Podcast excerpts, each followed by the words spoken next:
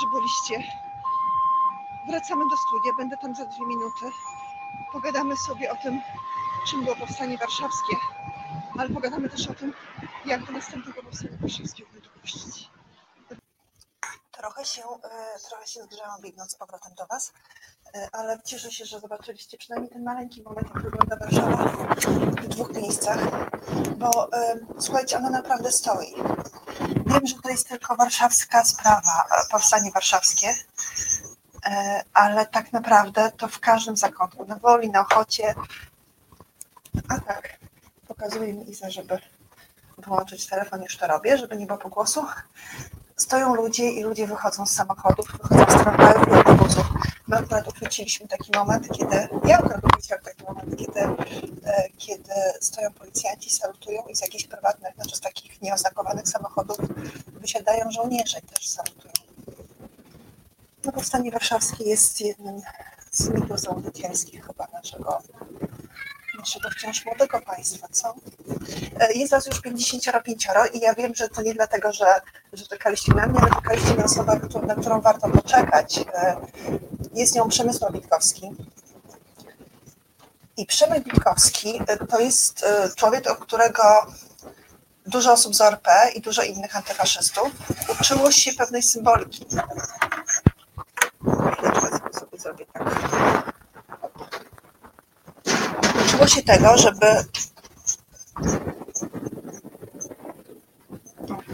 wszystko będzie wyciszone. Uczyło się tego, jak rozpoznawać na marszach, e, na Marszu Niepodległości, czy na różnych marszach organizowanych przez ONR, czy chłopców e, z Młodzieży Wszechpolskiej, czy innych organizacji nacjonalistycznych, e, które referują do nacjonalizmu i do grup neofaszystowskich. Bo my tego nie wiemy, człowiek nie, nie, rodzi się z tą wiedzą. Dzień dobry, Bernardo. E, I dzień dobry, Marku. I naprawdę słyszeliście, że, że, że wyły, tak? Że było, było słychać, że one naprawdę wyją? Aha, już widzę, że tutaj zaczyna, zaczynają się smoczki i się cieszycie, że się widzicie. Bardzo się cieszę też, że widzicie. Em, no dobra, powracając do Przemka Witkowskiego, który niestety nie będzie w tej chwili, bo w tej chwili odbiera od swojego, od swojego wydawcy absolutnie świeże, pachnące farbą drukarską egzemplarze swojej książki, którą pokaże nam za jakieś 40 minut. E, I, e, i przy, przywiezie je tutaj i będziemy mieli niedużo czasu, bo niecałą godzinę na to, żeby opowiedzieć o tym, dlaczego mówimy o współczesnym faszyzmie.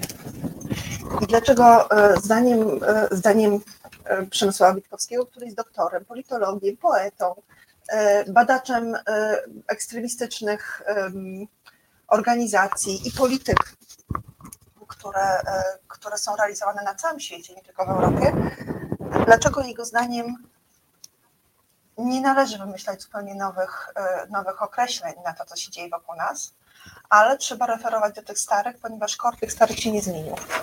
I e, zanim przejdę do, do innych elementów, to chciałabym Wam przeczytać coś, co na temat e, jego książki napisał, napisał Jacek Żakowski. Teraz wyobraźcie sobie, że jest To jest mój czwarty mikrofort, co oznacza, że psuję mikroporty i y, nie powinnam ich chyba używać. Y, I już nie będę bawić się w Jacka Żakowskiego, bo może, może to zapobiegnie dalszym kłopotom. A tak by the way, y, bardzo wszystkim dziękujemy za wpłatę, za to, że możemy realizować ten, ten program i inne programy. E, Naprawdę ogromnie dziękujemy panu Juliuszowi Pilarskiemu, który jest sponsorem naszego tego miesiąca. Też dziękujemy za dużą wpłatę, która, która pozwoli nam być może wymienić któryś z tych mikroportów, e, żeby takie kłopoty nie, e, jakby osób, które są w studiu, nie, się nie nawarstwiały. Wracajmy. Dlaczego gadamy wciąż o faszyzmie? Ludzie, którzy idą w Marszu Niepodległości, przecież wcale się nie czują faszystami. To są rodziny z, z dziećmi. To są młode, fajne osoby, które pomagają sąsiadom. Dlaczego mówimy, e, mówimy o tym, że idą w marszu faszystowskim, że wspierają marsz faszystowski, wspierają faszystów? Przecież oni chcą jedynie e, pokazać swój patriotyzm i swoje poparcie dla hekatomby powstania. Jakkolwiek, jakkolwiek brzydko zabrzmiało to, co powiedziałam. Co pisze e, Jacek Żakowski o książce Przemysława Witkowskiego? napisał, napisał książkę konieczną i fascynującą. Aż dziwne, że nikt na świecie wcześniej tego nie zrobił. Konieczność tej książki jest oczywista, bo długi cień faszyzmu gęstnieje nad światem i staje się coraz groźniejszy od półtorej dekady, czyli od kryzysu 2007-2009, czyli wielkiego krachu na giełdzie amerykańskiej. W debatach publicznych wciąż rządzi wyparcie zła, które ten cień niesie. Wiele osób jednak ten brunatny, brunatny cień widzi i antycypuje związane z nim ryzyka. W swojej ostatniej książce Faszyzm Ostrzeżenie opisała go, słuchajcie, między innymi sekretarz stanu USA profesor Madeleine Albright, którą trudno oskarżać o lewacką histerię, o którą przecież oskarżani jesteśmy my. Nawet jej spokojna, precyzyjna, spełniająca najwyższe standardy intelektualna analiza dla wielu jednak nie była dość przekonująca, aby poważnie traktować rosnące zagrożenie faszyzmem. Nasz problem z tropieniem współczesnego faszyzmu wynika głównie z uproszczonych porównań. Zawsze można przecież pytać, eee, a gdzie tu widzisz Hitlera? Albo Kaczyński nie jest Hitlerem, Trump też nie jest, Trump także nie jest Hitler, Hitlerem, albo rzucić, no, no, come on, do Holokaustu to jest jeszcze, jeszcze daleko, albo pushbacki to nie jest Auschwitz. Jak spada mi oglądalność, kiedy mówię o tym, że to, co się dzieje na granicy białoruskiej, to jest to samo, co działo się w latach, w latach 30., w tych samych okolicach, e, kiedy ukrywali się przed Polakami i Niemcami Żydzi. E, jak spada liczba osób oglądających, e, albo pojawiają się oburzy, pełne oburzenia komentarze, że przecież nie wolno porównywać tych rzeczy, przecież to jest zupełnie coś innego, bo tamto to jest historia, a to nie. Proszę Państwa, my żyjemy w tej historii. Dobra, teraz już nie jestem Jackiem Brzechowskim, tylko jestem sobą. Żyjemy w tej historii. Żyjemy w historii, w której rozwija się faszyzm. Wracając do Madeleine Albright. Um, zarzut stosowania argumentu e, ad Hitlerum w celu zdyskwalifikowania swojego oponenta bywa oczywiście prawdziwy, na przykład kiedy porównuje się aborcję do Holokaustu ale zwykle jednak zbyt łatwo zamyka dyskusję nad zjawiskami realnie groźnymi. Nowe wersje faszyzmu oczywiście różnią się od faszyzmów z początku XX wieku. Wciąż pisze te mądre słowa Jacek Żakowski na temat książki Przemysława Witkowskiego. Nie ma masowych partii faszystowskich z milionami członków. Nie ma partyjnych mundurów ani paramilitarnych partyjnych bojówek. Chociaż czym są roty e, niepodległości, które teraz idą przez moje miasto, przez Warszawę. Ale współczesne faszyzmy mają podobną istotę i korzenie oraz mogą prowadzić do podobnych skutków. Wyjątkowość i szczególne znaczenie książki Witkowskiego polega głównie na tym, że odsuwa on na bok nieistotne powierzchowne różnice, różnice i drąży tożsamą albo zbieżną istotę dwudziestowiecznych oraz współczesnych procesów od demokratycznych i ekonomicznych systemowych dysfunkcji po mitologię, estetykę, wizję tożsamości, rodziny czy, uwaga, seksualności. Kiedy, teraz znowu ja, kiedy Konfederacja mówi e, o swojej piątce, której nie chce e, Żydów, gejów i aborcji, to w rezultacie wpisuje się dokładnie w ten sam schemat e, partii NSDAP, która tego samego żądała dla, dla niemieckich kobiet i dla niemieckich mężczyzn i dla niemieckiej państwowości. No ale przecież to nie to samo.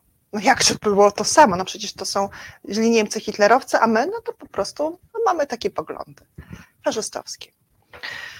E, w ten sposób e, Witkowski pokazuje głęboką istotę tego, co powierzchniowa analiza politologiczna najczęściej określa jako nowy, prawicowy, autorytarny populizm. O właśnie, w, w takie papierki zawijamy te hasła, które są głoszone przez, przez skrajnie prawicowe e, grupy. Dzięki temu refleksyjny czytelnik w miarę lektury odkrywa, że populizm jest zaledwie socjologicznym, socjotechnicznym narzędziem liderów rewolty, której istotą jest głęboki faszystowski zwrot dokonujący się nie tylko w polityce, lecz także lub, lub raczej zwłaszcza w kulturze. I teraz na chwilę chciałabym przerwać i poprosić Izabelę Kiszcza, która jest naszą realizatorką i dba o mój kontakt z Państwem oraz o, o mam nadzieję, Państwa telefony do mnie i do, do Przemka, żeby pokazała dwa plakaty Szymona Szymankiewicza. Pierwszy nazywał się Loading. Nie, nie ten, to, ten drugi.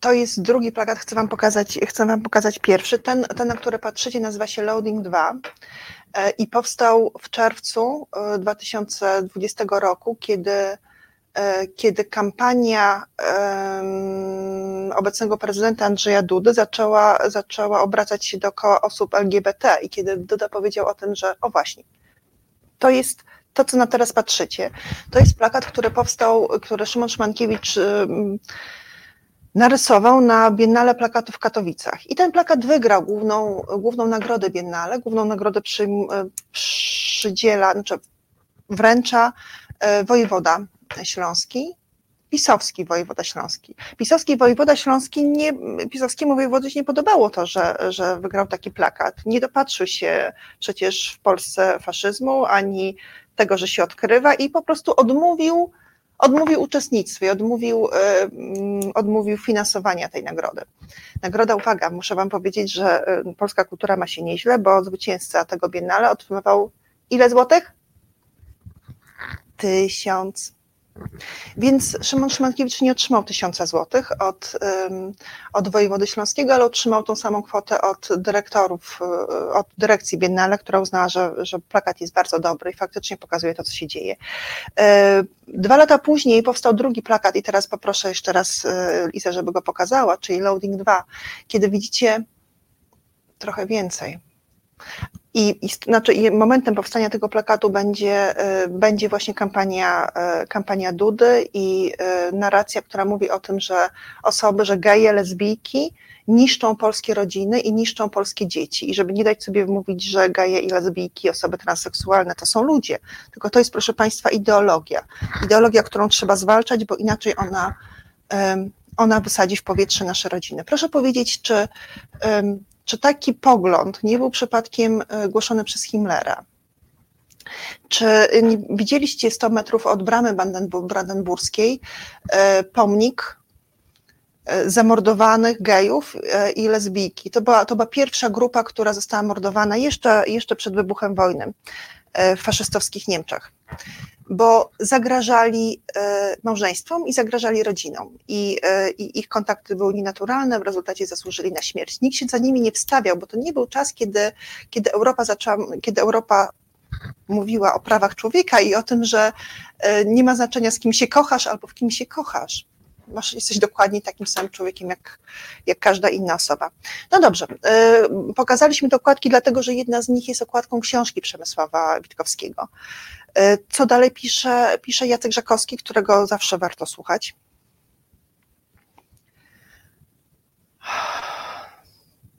Ten groźny proces dotyczy nie tylko radykalnej politycznej prawicy.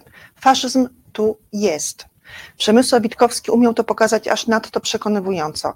Jest nie tylko obok, ale jest także między nami. I to nie w mrocznych niszach, nie w ciasnych krajówkach. Jest wokół, blisko głównego nurtu lub nawet w nim samym. Przesiąka nasze życie. E, nie jest to nazizm czy hitleryzm, jakie znamy z przeszłości. Przeszłość to przeszłość. Nie warto toczyć sporów o cofanie czasu, ani o to, czy, czy dzisiejszy faszyzm jest bliższy włoskiemu, niemieckiemu, a może portugalskiemu, czy może nawet polskiemu sprzed 100 lat. Czy dzisiejszy faszyzm jest bezpośrednią kontynuacją myśli Romana Dmowskiego, którego, do którego należy najbardziej reprezentacyjne rondo w, w mieście stołecznym Warszawa. E, bo oczywiście jest inny niż jakikolwiek historyczny wzór. Podobnie jak dzisiejsza demokracja jest inna niż demokracja XIX-wiecznej Ameryki, Francji z lat 30. czy Wielkiej Brytanii w latach 80. Polki jako drugie osoby w całej, e, na całym świecie uzyskały prawa wyborcze zaledwie 100 lat temu, a wcześniej przecież też istniała demokracja. Tak jednak jak demokracja, mimo znaczących różnic, wciąż jest demokracją, gdy zachowuje demokratyczną istotę, tak faszyzm pozostaje faszyzmem, jeśli zachowuje istotę, swoje, istotę swojej faszystowskiej natury. Co doskonale uchwycił Przemysław Witkowski. W tym sensie jego książka z każdą kolejną przeczytaną rozmową, nawet jeżeli padają w nich również kontrowersyjne tezy, szeroko otwiera czytelnikom oczy na bardzo niewygodną praw prawdę opełzającej wciąż szerzej i głębiej faszyzacji naszej rzeczywistości. Oczywiście także po tej książce wciąż będzie można wypierać tę niewygodną prawdę. Taka pokusa może nawet wzrośnie, bo groza staje się bardziej oczywista, a wciąż przecież nie wiemy, jak pełznięcie faszyzmu zatrzymać, nie naruszając struktury rządzących dziś światem ważnych, a często uzasadnionych zbiorowych interesów. Przemysław Witkowski nie, of, e, nie oferuje czarodziejskiej antyfaszystowskiej różdżki, ale odsłania rozległe korzenie współczesnego faszyzmu. Mamy więc ważną wskazówkę, jak szukać antidotów i gdzie je aplikować. Na temat tego, jak aplikować antidotum i jakim językiem mówić, aby to odwrócić, e, będziemy mówić pewnie za jakiś czas, bo kolejna książka skupiająca się na tym aspekcie wyjdzie jesienią. Kolejna książka Przemka Witkowskiego. Mamy więc ważną wskazówkę, jak szukać antidotów. Przede wszystkim dostarcza ta książka wiedzę, której, która sprawia, że jakby co trudniej będzie nam mówić, nie wiedziałam. Jacek Żakowski, legenda polskiego dziennikarstwa. E, ja nie znam tej, książki, ale obserwowałam jej powstawanie i obserwowałam rozmowy Przemka Witkowskiego i obserwowałam całe, jakby, całą, całą jego działalność. Uczestniczyłam w warsztatach panowskich, w której e, pokazał dziesiątki znaków, fragmentów pieśni, fragmentów e, filmów, odniesień dotyczących, dotyczących całego sztafarzu mm, odpraw Młodzieży Wszechpolskiej, ONR-u. To był jeszcze ten czas, kiedy ONR przyszedł przez nasze miasta i, e, i ludzie mówili, e, tam ONR, Jakoś tak się stało, że, że NER dokładnie wiedział, jak nie dać się z, zdelegalizować. Oczywiście powstało 120 małych ONR-ów. Każde maleńkie miasto miało swój ONR i teoretycznie nie można było zlikwidować jednej, jednej ogólnopolskiej e, organizacji, bo każda z organizacji działa zupełnie oddzielnie. I nawet jeżeli udowodniło się, e, udowodniło się, puściło się film, na którym ONR idzie, tupie i mówi o tym, że, że nie chcemy tu islamu, e, terrorystów muzułmanów albo no raz sierpem, raz młotem to akurat jest taka, taka rzecz, która nam się wszystkim opatrzyła, ale tak, to były hasła o mordzie, które słyszałam sama w 2017 roku, w kwietniu, kiedy e, w 82, powsta- 82 rocznicę powstania ONR-u e, wielki oddział ONR-u szedł przez całe miasto, kilkaset osób i zrobił sobie ćwiczenia na placu zamkowym a ludzie stali wokół i po prostu się gapili, robili zdjęcia, trochę z nienowierzaniem, że naprawdę, to my teraz mamy takie bojówki. Nie sposób było zdelegalizować ONR-u, chociaż e, bardzo starała się o to e, posłanka e, z Częstochowy, Jolanta, która słała pisma raz za razem do, do prokuratury, mówiąc o tym, że taka organizacja że jakby istnieć nie może. Stąd wiadomo, że no, że organizacja się zabezpieczyła. Ale jakoś do ludzkiej, ludzkiej duszy i do ludzkiej pamięci trafiły te obrazki i trafiły te podkute buty i trafiła ta, te lance trzymane w dłoni e, i te zielone mundury i te dziewczyny w furażerkach i ten mocny krok i ten chód pod hasłem to my, to my, nacjonaliści albo młodość, co tam było? Młodość, e, siła, nacjonalizm. Jakoś ludzie powiedzieli, że jednak ONR to nie jest taka dobra organizacja. I ludzie z ONR-u postanowili zapisać się do innej organizacji, a potem do jeszcze innej, a potem mamy Marsz Niepodległości i Roty Bąkiewicza. E, I Roty Bąkiewicza, które e, w tej chwili maszerują przez miasto, odpaliły sobie flarę na rondzie Dmowskiego, maszerują, tupią, i idą krakowskim przedmieściem. Pewnie już skręciło w Miodową, bo jest, a nie, pewnie jeszcze nie, bo 17.30, więc jest szansa, że Bąkiewicz, który mówi bardzo długie przemówienia, e, jeszcze nie wszedł na, na Jerozolimskie. I sobie będzie ten Bąkiewicz i jego Marsz Niepodległości i Stowarzyszenie Roty Niepodległości szło każdego 1 sierpnia i krzyczało o um, a może pokażemy parę banerów, jakie, jakie są trzymane w czasie takich marszy. Może y, mogę Cię poprosić, Iza? Żebyś pokazała, e, pokazała ten z Trzaskowskim. O, proszę bardzo. To są, e, to są roty niepodległości Bąkiewicza z ubiegłego roku, e, które w ten sposób czczą krew powstańczą i żeby, żeby nie pokazywać, znaczy żeby nie, żeby nie było wrażenia, że to jest po prostu jakaś oddzielna organizacja, pokaż tą, może to zdjęcie, gdzie są oba banery i Młodzieży Wszechpolskiej, która idzie, E, I o właśnie, to jest Młodzież Wszechpolska e, Warszawska i e, to jest czoło marszu. Marszu, nie, nie wiem jak on, jak on nazywa, za każdym razem to jest coś o Bogu, honorze i ojczyźnie. Słabo tam się mieszczą powstańcy warszawscy, ale zawsze mieści się LGBT i zawsze mieści się Trzaskowski, no i totalitaryzmy, spośród których, znaczy wśród których wymienia również osoby nieheteronormatywne. Proszę powiedzieć, czym to się różni od faszyzmu? Bo ja wiem, że nie oglądają mnie tylko te osoby, które zgadzają się e, z tym rozumowaniem. Oglądają mi również te osoby, które uważają, że, że absolutnie przesadzam i że e, tak jak znakomita większość opinii publicznej, raczej, e, raczej zawijałoby te wszystkie hasła w takie papierki radykalnego populizmu, prawicowego nacjonalizmu, że kiedyś nacjonalizm um, był pejoratywnym określeniem. Teraz nacjonalizm został ubrany w tatuaże z Polską walczącą, z, ze szczerbcem na przykład Młodzieży Wszechpolskiej albo z falangą y, ONR-u i wszystko to razem się mieści na, na plecach, na, na ramionach, na, y, na, plec, znaczy na, na przedramionach. To ja wam jeszcze coś przeczytam, co?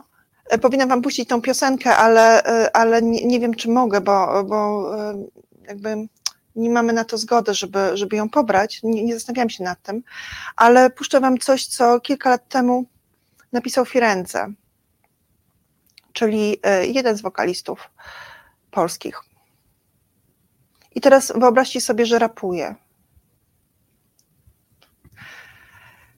Gdyby tym chłopcom głowy przyrosły, gdyby dziewczętom znów serca zabiły, to by te dzieci w ryj wam strzeliły i brzuchy z jelit wypatroszyły. Gdyby te dzieci w wasz tłum się wmieszały, listopadowy rytm marszu wyczuły, to sidolówki by wam włożyły w dupy głęboko i tam wysadziły. Gdyby tym dzieciom ktoś szepnął po latach, że ich postaci będą na łapach, gaciach, butelkach, prezerwatywach, z grobu by wstały, by się wyżygać. Dziękuję Firenze. Ja myślę, że nasze czasy potrzebują innych, e, innych słów niż słowa Leśmiana. I Tuwima, który opisywał tą hekatombę. I Świerszczyńskiej, która kazała ludziom wyjść na ulicę i liczyć nasze trupy. E, bo to, co się stało, to się stało. Ale to, co się dzieje teraz, to jest rzecz, na którą mamy wpływ. I e, albo możemy odwracać oczy, tak jak odwracali oczy Niemcy, kiedy rodził się faszyzm niemiecki Albo możemy nazywać to zjawisko faszyzmem i się jemu przeciwstawiać. Przede wszystkim nazwać go. Nazwać, bo kiedy go nazywasz, to jasne i jest wtedy, z czym się mierzysz, że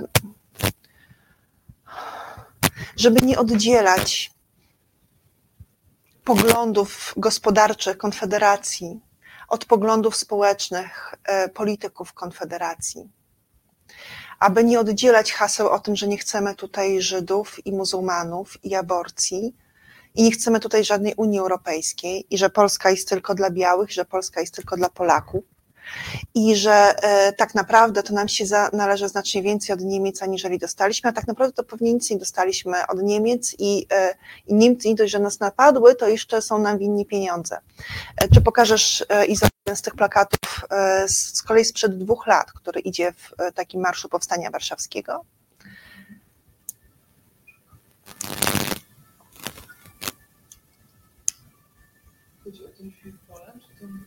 Nie, nie, nie. Chodzi o ten, o ten żółty, żółty duży baner.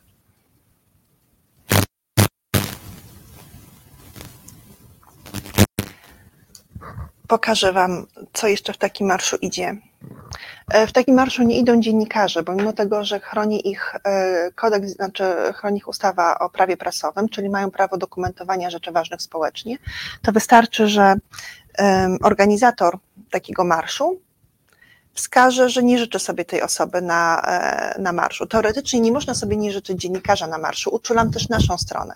Nie można sobie nie życzyć dziennikarza e, prawicowych mediów na naszym wydarzeniu. E, prawo prasowe działa dla wszystkich, dla każdej ze stron. Prawo prasowe to jest prawo do, do, do informacji. Natomiast e, kiedy, e, kiedy taki organizator mówi o tym, że on nie jest w stanie zapewnić bezpieczeństwa takiej osobie, to wtedy policja taką osobę wyprasza. Więc też znaleźli furtkę. Musimy wszyscy znać te furtki, żeby wiedzieć, jak się poruszać w tym gąszczu. Musimy też wiedzieć, mm, niby wszystko wiedzieliśmy, ale przegraliśmy tę sprawę o, e, o rejestrację marszu cyklicznego 1 sierpnia ja powiem Wam, jak przegraliśmy. Ale żeby się tak bardzo nie martwić, że byliśmy głupi i przegraliśmy, to chcę powiedzieć, że, że również rząd PiSu też przegrał swój marsz. Bo w 2018 roku, kiedy była setna rocznica odzyskania niepodległości przez Polskę, to rząd sobie wymyślił, że teraz to on będzie zawiadawiał, zawiada, zawiadawiał o, może poczytam sobie, co, co piszecie, zawiadował tymi e, ogromnymi, e, a nie ma żółtego, tam coś było o nim, no dobra, nieważne. E, to nie będzie tego, tego plakatu, ale on dotyczył, dotyczył reparacji, reparacji wojennych, ale nie w tej formule 447, tylko w ogóle jakiejś innej, że, że Niemcy jeszcze muszą zapłacić, bo nie, no. Dobra, o czym mówiłam?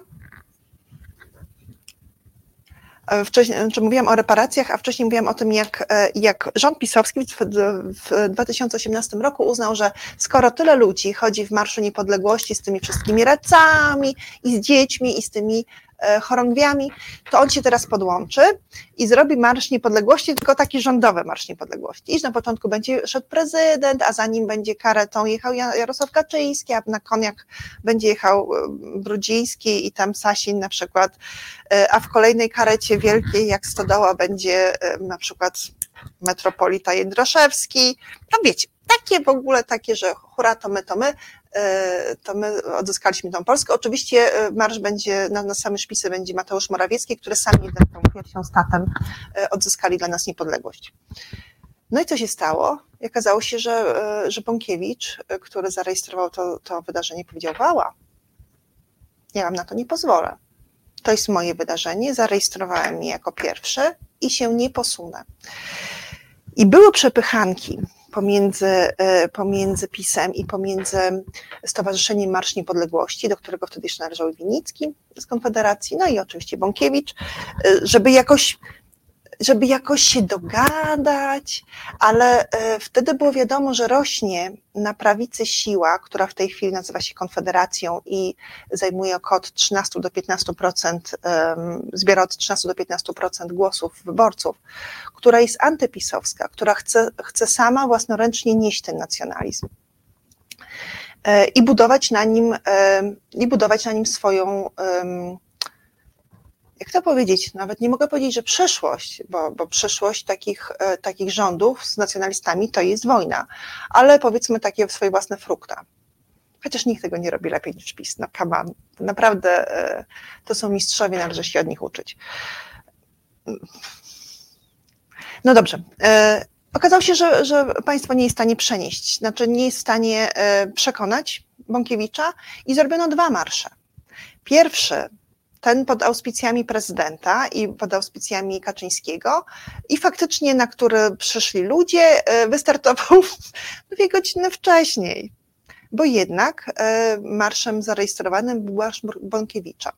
E, I na tym marszu oczywiście mówiono sporo o tym, że tutaj Polska jest najważniejsza, to był 11 listopada w 2018 roku e, i że trzeba oczywiście bronić tej Polski, bo przecież wszystko jej dookoła zagraża, imigranci jej zagrażają i, i ciemnoskóre dzieci jej zagrażają, i LGBT jej, jej zagraża i zagraża, zagrażają, wtedy chyba jeszcze nie były grane buraki, znaczy robaki, z których się robi mąkę, ale no generalnie zagrożeń jest po prostu tak mnóstwo, Oczywiście nie mówiono o zagrożeniach klimatycznych, o tym, że wysychamy, o tym, że zużywamy za dużo energii, no bo to jakby y, to nie było tak nośne. Kiedy przeszedł marsz ten rządowy, dosyć jednak krótki, to wtedy rozpoczęły się ryki i flary i życzenia śmierci. E, i palenie, e, palenie flag Unii Europejskiej, palenie flag tęczowych. E, i na skwer koło, koło Muzeum Narodowego, gdzie stali obywatele RP ze swoimi stałymi hasłami pod tytułem Faszyzm idzie przez Warszawę. E, pojawiły się potężne ciężarówki, które zasłaniały e, grupę obywateli, a nawet jeżeli e, znaczy były tam przez jakiś czas, ale ponieważ marsz był ogromny, było w nim prawie ćwierć miliona osób, w tym reprezentacje wszystkich, wszystkich prawicowych, ultranacjonalistycznych partii z, z Europy. Był tam Vox, był wtedy chyba jeszcze Jobbik, bo Miazart pojawił się trochę później jako, jako gałąź Jobbiku, e, ale byli faszyści portugalscy i włoscy i nawet niektórzy, niektórzy mieli własne przemówienia. Więc e, i to nie chodzi o Ligę Północną, chodzi o, już teraz nie pamiętam nazwy tej partii, Przemek będzie wiedział. Więc generalnie Marsz Nacjonalistów szedł i szedł godzinami przez Warszawę. I od tej pory y, PiS już nie chciał, nie chciał mierzyć się z tym problemem, już wiedział, że rejestracja wydarzenia to jest rzecz, której sądownie nie da się odwrócić. a Stowarzyszenie Marsz Niepodległości zaczęło korzystać z przepisu, które wymyślił sam PiS. PiS wymyślił coś takiego jak, jak, e, jak, jak wydarzenie cykliczne, czyli odbywające się raz w miesiącu albo raz w roku. Jeżeli przez kilka lat z rzędu w tym samym miejscu, o tej samej porze, to samo wydarzenie zarejestruje ten sam komitet, to po kilku takich razach to, to, to wydarzenie e, ma status cyklicznego i uwaga, nie można go z tego miejsca usunąć, nie można go niczym zastąpić. Niby w ogóle taki sobie przepis do niczego niepotrzebny, ale jednak on powstał z, z, konkretnego powodu. Powstał z powodu miesięcznic i kontrmiesięcznych organizowanych przez obywateli RP e, i obywateli Solidarnych w Akcji. E, którzy stawali naprzeciwko Pałacu Prezydenckiego, kiedy, kiedy podchodziły pod ten pałac um, pochody smoleńskie, wtedy, kiedy do, zaczął dołączać do nich Kaczyński i truł ludzkie dusze tymi swoimi małymi przemówieniami. One były coraz większe, coraz większe, coraz większa grupa ludzi szła z katedry pod pałac prezydenckich i opowiadał o tym, jak to y, y, Ryży z pomocnikami zabił mu brata, ale już niedługo prawda będzie odkryta, prawda zwycięży, a wszyscy ci, którzy zabili mu brata, pójdą do więzienia. E, naprzeciwko stali obywatele, mieli, mieli megafony i krzyczeli, że to jest nieprawda, a za, a za nimi e, były słowa e, Lecha Kaczyńskiego, czyli brata Jarosława, mówiącego o tym, że nie wolno łamać konstytucji, nie wolno przyjmować sądów i nie wolno łgać, bo, bo w ten sposób niszczy się tkankę społeczną. Więc Jarosław Kaczyński, patrząc na obywateli RP, patrzył na wielką twarz swojego brata, który mówił mu: Jesteś małym człowiekiem, nie rób tego, co robisz. W rezultacie po trzeciej takiej miesięcznicy, czy po drugiej, pojawił się, pojawił się w parlamencie taki projekt pod tytułem Trzeba jakoś spowodować, żeby obywatele nie mogli być w tym samym miejscu, co my. Błyskawicznie pojawił się taki projekt e, poselski. Wiecie, jak robi się projekty poselskie pisze się na kartce pod tytułem potrzebuje 50 głosów i chodzi się od, od posła do posła, zbierając jego podpisy i wtedy taki projekt od razu jest procedowany. No jeżeli wnioskodawcą chociażby, e, chociażby takim INSPE jest, e, znaczy takim nieujawnionym jest Jarosław Kaczyński, to oczywiście taki projekt natychmiast zostaje, zostaje procedowany. Trwało to naprawdę jedno posiedzenie, procedowanie projektu pod tytułem, pod tytułem wydarzenie cykliczne. I wydarzenie cykliczne zostało zarejestrowane. W rezultacie obywatele RP, którzy zawsze rejestrowali swoje wydarzenie wcześniej niż pisowcy pod, e, pod Pałacem Prezydenckim, zostawali stamtąd wynoszeni przez policjantów. Okazało się, że muszą stać tak daleko, że, że oba, um, oba wydarzenia nie mogą się nawzajem widzieć, nie mogą się nawzajem słyszeć, a um, no nawet jeżeli staliśmy tam nieruchomo i nie gadaliśmy i nie krzyczeliśmy, tylko trzymaliśmy kwiaty, to też denerwowało e, Jarosława Kaczyńskiego. W rezultacie policja wynosiła nas bardzo, bardzo daleko, aż za, za, za winkiel, e, żebyśmy nie rzucali się w oczy. No dobrze, i sobie przeprocedowano taką, taką ustawę o zgromadzeniach cyklicznych i tą ustawę wziął sobie i zbudował na niej swój etos Robert Bąkiewicz, bo rejestrując co roku, znaczy rejestrując co roku Marsz Niepodległości 11 listopada i 1 sierpnia, doprowadził do sytuacji, że któryś z tych marszy po kolei e, wchodził już w ustawę, już nie pamiętam, czy to są trzy marsze z rzędu, czy pięć marszy z rzędu. Co prawda w międzyczasie była pandemia i marsz się nie odbył, bo nie można było rejestrować marszy, bo była pandemia i nie było tych, nie było tych marszy. I to był, e, i to był powód, dla którego Trzaskowski, który naprawdę dosyć ofiarnie walczył o to, żeby te marsze się nie odbywały, składał cały czas wnioski o to, żeby go zabronić, że, żeby, żeby zakazać marszu, bo każdy marsz jest legalny, dopóki jest niezakazany, wiecie o tym. Każda wasza demonstracja jest legalna, dopóki to się nie, nie, e, nie zakaże. Czyli jak stoicie i krzyczycie, macie transparenty, to wszystko to robicie na absolutnym legalu. Nie potrzebujecie żadnego, e, do tego żadnego e, pozwolenia. Pozwolenie jest potrzebne tylko wtedy, kiedy chcecie skorzystać z usług policji jako swoich własnych ochroniarzy. E, to też warto wiedzieć, że nasze wolności obywatelskie są znacznie szersze niż nam się wydaje. Tylko jeżeli z nich nie, nie korzystamy, to przestają istnieć.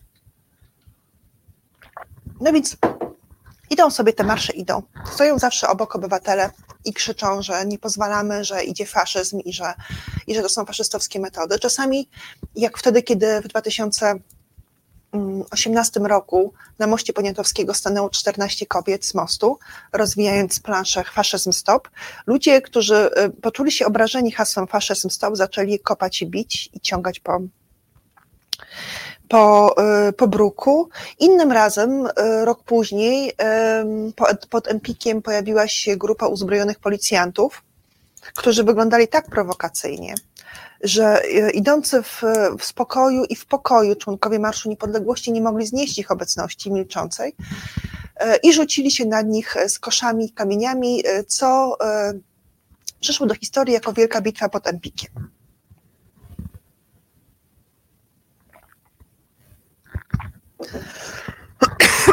Mam sporo nagrań w ogóle z ostatniego marszu. Myślę, że skompo, skom, jakby skomponuję z nich jakąś, jakąś historię, która pokaże Wam o tym, czym jest Marsz Niepodległości w środku, bo do środka nie wchodzą żadni dziennikarze.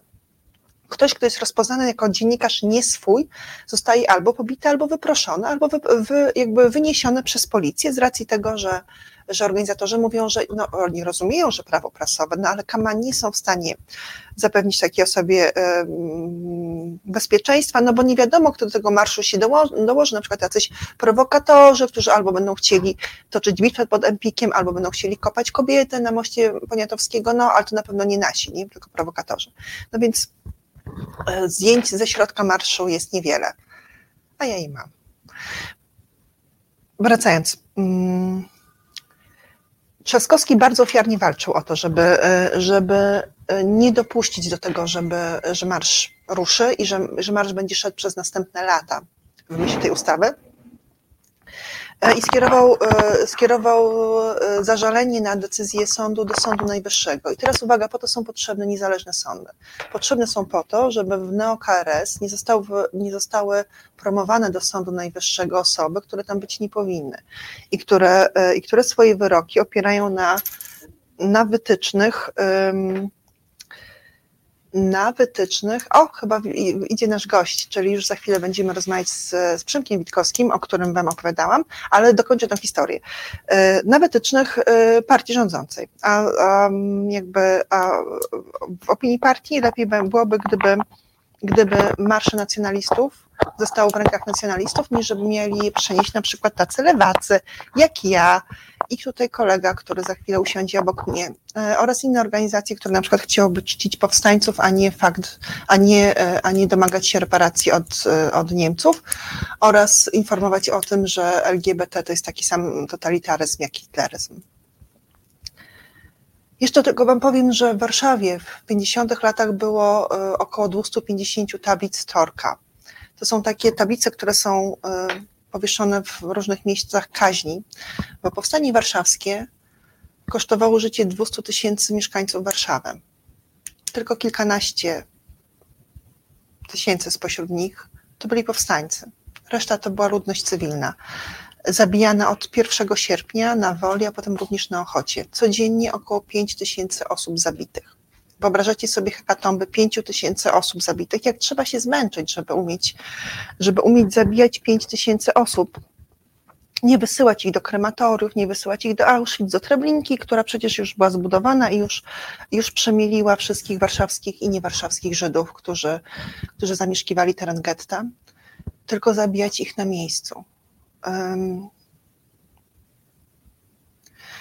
I kiedy się teraz mówię o powstaniu warszawskim, to coraz częściej mówi się nie tylko o chłopcach i o, e, i o dziewczętach, którzy poszli na te 63 dni chwały, ale mówi się o chłopcach i dziewczętach i o mężczyznach, kobietach i dzieciach, którzy zostali i którzy nie chcieli 63 dni chwały, tylko chcieli przeżyć.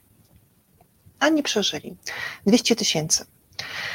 No dobrze. E, pewnie o powstaniu będziecie, będziecie słuchać z różnych źródeł e, i moim zadaniem nie jest opowiedzieć Wam o historii. Moim, moim zadaniem jest dzisiaj przedstawić Państwu Przemka Witkowskiego i wszystkich Was namówić do tego, żebyście zapoznali się z książką, którą przyniósł i mimo tego nie przyniósł.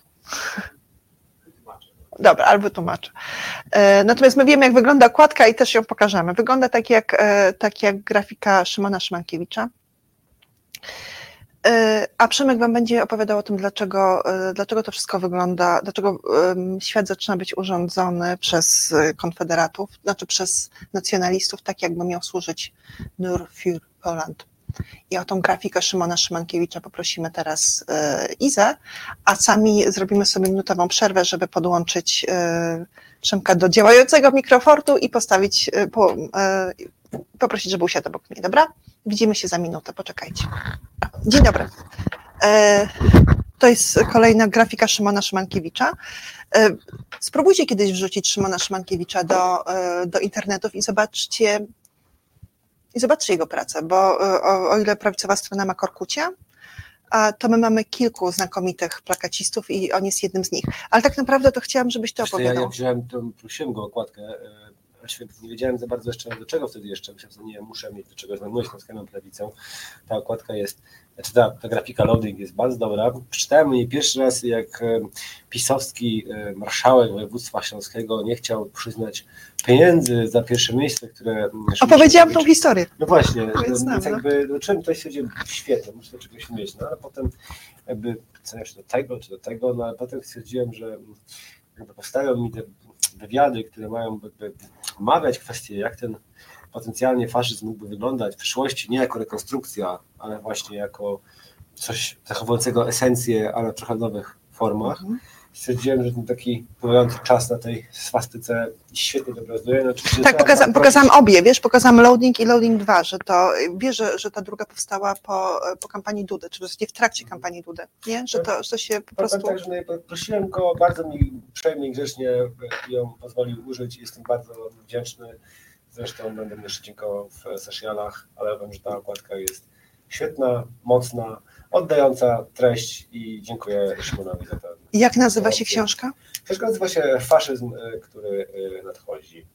To jest taki trochę powiedzmy w jakimś sensie e, żart Zagambera, który miał książkę Wspólnota, która nadchodzi. Ja zdałem sprawę, że ta wspólnota nadchodzi, niestety może być wspólnotą wykluczającą bardzo wiele osób ze swojego grona i dotyczyć może właśnie tych naszych, no ale chciałem trochę lepiej zrozumieć, bo uznałem, że no ja mam, widzisz, tendencję do gadulstwa, ciągle coś Ale on, zobacz, no w tej chwili słucha nas 130 osób wpatrzonych w ekran, czy 130 na tym kanale, bo nie wiem ile na Etsy, nie wiem na ile na Facebooku, ale oni są tam i y, cały czas wszyscy czekamy na to, aż przyjdziesz i powiesz, jak to jest tym współczesnym faszyzmem. Świetny, świetny wstęp Jacka Żakowskiego pokazał, że on nie musi być taki, jak, jak wiesz, w, na początku XX wieku. Jaki jest współczesny faszyzm? Zresztą mnie to interesowało, bo spytałem bardzo wielu osób, które moim zdaniem mogłyby mi odsłonić kawałek tego. E, stwierdziłem, że ja na początku nie będę się wymążał, tylko spróbuję pytać specjalistów od różnych aspektów e, tegoż potencjalnie pierwszego faszyzmu. Czy to osoby zajmujące się e, gender studies, czy osoby zajmujące się feminizmem, czy osoby e, zajmujące się, no powiedzmy, ekologią, czyli społecznym użytkiem, tak to nazwijmy, mniejszościami, migracjami, jakby antysemityzmem, antyislamizmem i jakby te wszystkie elementy złożyły mi się razem do kupy. No, ja bym powiedział, że jeżeli ja bym po całej tej pracy z tymi ludźmi, rozmowach, jakby przepisywaniu, redagowaniu, zmienianiu wersji ostatecznej. A to wszystko przy... błyskawicznie się działo przecież. Nie, no nie, to, to, to, tak robiłem tym wywiady, powiem szczerze, no po godzinach to jest mordercza robota, bo ja normalnie pracuję A na uczelni, B w think tanku, C piszę do gazet, plus jeszcze jakieś wykonuję fuchy, ja ledwo na cokolwiek czas, więc nagrywałem to gdzieś w jakichś dziwnych godzinach z tymi ludźmi, którzy mieli tyle jakby chęć z pogadać, albo zapałem ich na konferencji, albo zapałem ich gdzieś w jakimś miejscu publicznym, w jakiejś dyskusji, albo się umawiałem, no i potem przepisywałem, przepisywanie wywiadu to jest męka, uczciwie. Faszyzm, który nadchodzi. E, otwórzcie sobie drugie okienko, e, jeżeli oglądacie nas na, na laptopach i wpiszcie to, bo, bo, to jakby to hasło nie ma innego odpowiednika. Pojawi Wam się strona Le Monde Diplomatique e, i, i zapisy na tą książkę. No możecie zobaczyć też na moje sociale, bo ja generalnie to wrzuciłem u siebie na moim prywatnym, otwartym profil, zupełnie publicznie używany można też to śledzić, tam to znaleźć, ale tam też są linki do zakupu, więc jakby już pytasz o tą esencję, ja jestem w stanie Ci jakąś taką esencję nawet e, wyprodukować po tych wszystkich rozmowach. Dawaj, znaczy mów, mów, mów do nich. To jakby to będzie na pewno hierarchiczny, autorytarny, ksenofobiczny, nacjonalistyczny, antykobiecy, homofobiczny, zmilitaryzowany e, um, ustrój, którego celem będzie trwanie w tradycji, micie i zapewnienie poczucia obywatelom bezpieczeństwa przed wszelkimi zagrożeniami, które oni mogą sobie tylko wymyśleć lub też są im wymyślane. Tak, aby mogli jednocześnie trwać w tym lęku i ten lęk ktoś mógłby im uspokajać. Generowanie tego lęku jest podstawowe. Czy to będzie lęk, że przyjdzie migrant, on tutaj zislamizuje, nie wiem, Polskę, Europę, świat, czy to będzie homoseksualista, który uwiedzie i tam dziecko, nie wiem, żonę, czy tam męża, co tam się ludzie boją, e, czy to będzie jakiś e, zewnętrzny, tutaj historyczny wróg, nie wiem, Niemiec, Ukrainiec przyjdzie, on zabierze tam, czy to jakieś historyczne ziemie, czy e, gorzej teraz, jakąś pracę, ten lęk musi być generowany, ten lęk musi być podtrzymywany, a następnie uspokajany przez autorytarną władzę, która stanowi elitę, odwołującą się do tradycji pewnego też pewnego narodowego odrodzenia dzięki tej elicie. Więc jakby to jest dość skomplikowana definicja, ale dzięki temu... Założę okulary i zapytam, co, co sądzicie ten, na ten temat? Piszcie, piszcie nam. Eee, co to znaczy on z beczki mówi? Jakieś widzę, są jakieś e, drobne ataki. Jak się przeżyje. Może w Polsce mówienie o faszyzmie jakkolwiek e, jest problematyczne. Mam wrażenie, że e, jakby Polacy nie chcą przyznać, że istnieje jakakolwiek forma faszyzmu w Polsce, że ona Polska zawsze była ofiarą, no bo każdy tutaj konkurs na ofiary, prawda? Kto jest większą ofiarą? No, Oczywiście. Polska jest na pewno największą ofiarą na świecie. Są pewnie ten cały e, ciężki konflikt e, historycznie polsko-żydowsko-żydowsko-polski, gdzie obie strony zresztą izraelska również, e, no, tam jakby też tych ofiar nieco więcej. Pielęgnują. Pielęgnują tą jakby figurę, kto tu jest bardziej dotknięty. No i Polacy nie są w stanie znieść, ktoś mógłby być bardziej dotknięty od nich. No więc tym bardziej skażanie Polaków o jakąś skrajnie prawicowość, czy nawet faszyzm jest już niezwykłym tematem. Teraz to jest w ogóle niezręczne, bo powiedziałbym, że przy całej tej absurdalnej e, propagandzie rosyjskiej, gdzie właściwie każdy może zostać faszystą, jeżeli nie, nie darzy jakąś sympatią e, Rosji, Rosjan i ich imperialnych fantazji. Nie, ale mówisz o lewicowej bardziej... bańce, to, że, to, że to my w lewicowej bańce zaczynamy się obrzucać faszyzmem. Nie, no, to, to, to, to, jest coś innego, bo większość prawicowych Polaków powie, nie ma w Polsce faszyzmu z kolei lewicowych i liberalnych powie, faszyzm się wylewa, on jest tutaj, zaraz będziemy dyktaturę. Ja bym powiedział, że PiS jest taką partią, która raczej idzie z maczetą i wycina teren pod potencjalnie przyszłą jakąś tego typu formację. A że potencjalnie przyszła tego typu formacja już tu jest. Znaczy, no jest taki wielowątkowo pomieszczana w różnych miejscach. Szczęśliwie nie ma żadnej jakiejś jednorazowej reprezentacji. Ja bym powiedział, że Konfederacja jest partią raczej e, reakcyjnej, ultrakonserwatywnej, religijnej prawicy w duchu, powiedziałbym, generała Franco albo Salazara, co nie znaczy, że to jest jakieś niezwykle lepsze, wcale nie chciałbym żyć w państwie generała Franco. No właśnie nie wiem w ogóle, czy, czy jest jakieś pocieszenie. No nie, no bo jakby pytanie brzmi, czy to będzie raczej partaj tagi, czy msze e, obowiązkowe. No więc jakby faszyzm klasyczny będzie dążył do jakichś masowych tam, prawda, marszy, właśnie flag, jakiegoś tam zbratania w jedności, a jakby taki reakcyjny, ultra konserwatywny, religijny prawica będzie dążyła do jakiejś takiej hierarchii, gdzie jest jakaś elita, która ona wie lepiej, ona będzie rządzić, a naród ma się słuchać właśnie na przykład z powodów religijnych czy, czy historycznych należy tej elicie władza. A to ciekawe, słuchajcie, y, a jak to jest waszym zdaniem? Czy my jesteśmy bardziej, y, bardziej w tym pierwszym nurcie, czy w tym drugim? Czy, czy jesteśmy teraz w chwili, my jako naród, czyli nie, nie grupa grupa Resetu Obywatelskiego, bo my, generalnie nasze poglądy są pewnie zbliżone, czy wydaje Ci się, że jest coś takiego, że my oddaliśmy sprawczość taką obywatelską w ręce elity i ufamy, że ta elita wie lepiej?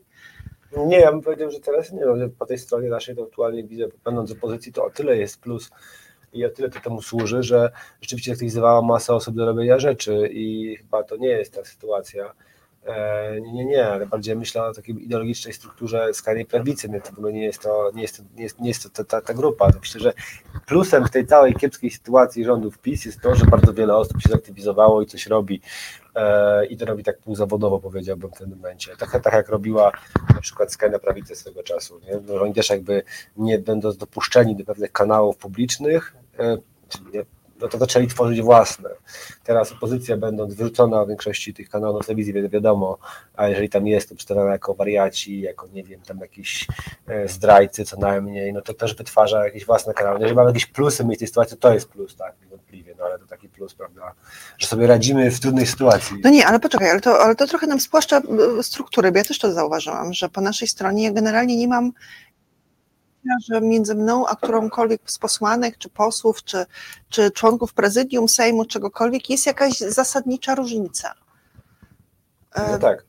No właśnie, że, że, że oni wiedzą lepiej, bo coś. No i nie, no, ale ty mówię o tym, że to jest jakby raczej domena skrajnej prawicy, a, a liberalne czy tam lewicowe ruchy są chyba że bardziej egalitarne. No jednym z elementów tych konstytu- konstytuujących tą skrajną prawicę jest a, hierarchiczność, gdzie Mhm. powiedzmy istnieją jakieś elity lepsi i gorsi, oni są przystosowani do sprawowania władzy, a reszta ma ich słuchać i jakaś taka powiedziałbym niechęć do mm, jakby owoców rewolucji francuskiej, czyli do mm, wolności, y, równości i braterstwa.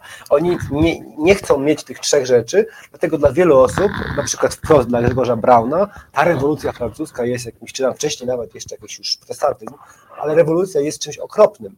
I dwa nurty skrajnej prawicy dążą do jej wymazania. Faszyści e, będą chcieli zbudować, wrócić do przeszłości, używając nowych metod, a monarchiści będą chcieli jeden do jeden robić kopię. Ale na pewno chcą wrócić do momentu, w którym jest nierówność i hierarchia. A liberalni i lewicowi, e, czy publicyści, czy, czy dziennikarze, czy, czy politycy, czy w ogóle ludzie mający takie poglądy, wierzą jednak w pewną e, równość wobec prawa, równość szans często. Więc to jest ta podstawowa sprzeczność, między której się nie da przekroczyć. Oni chcą nierówności chcą hierarchii. Te inne lewicowo-liberalne ruchy nie chcą.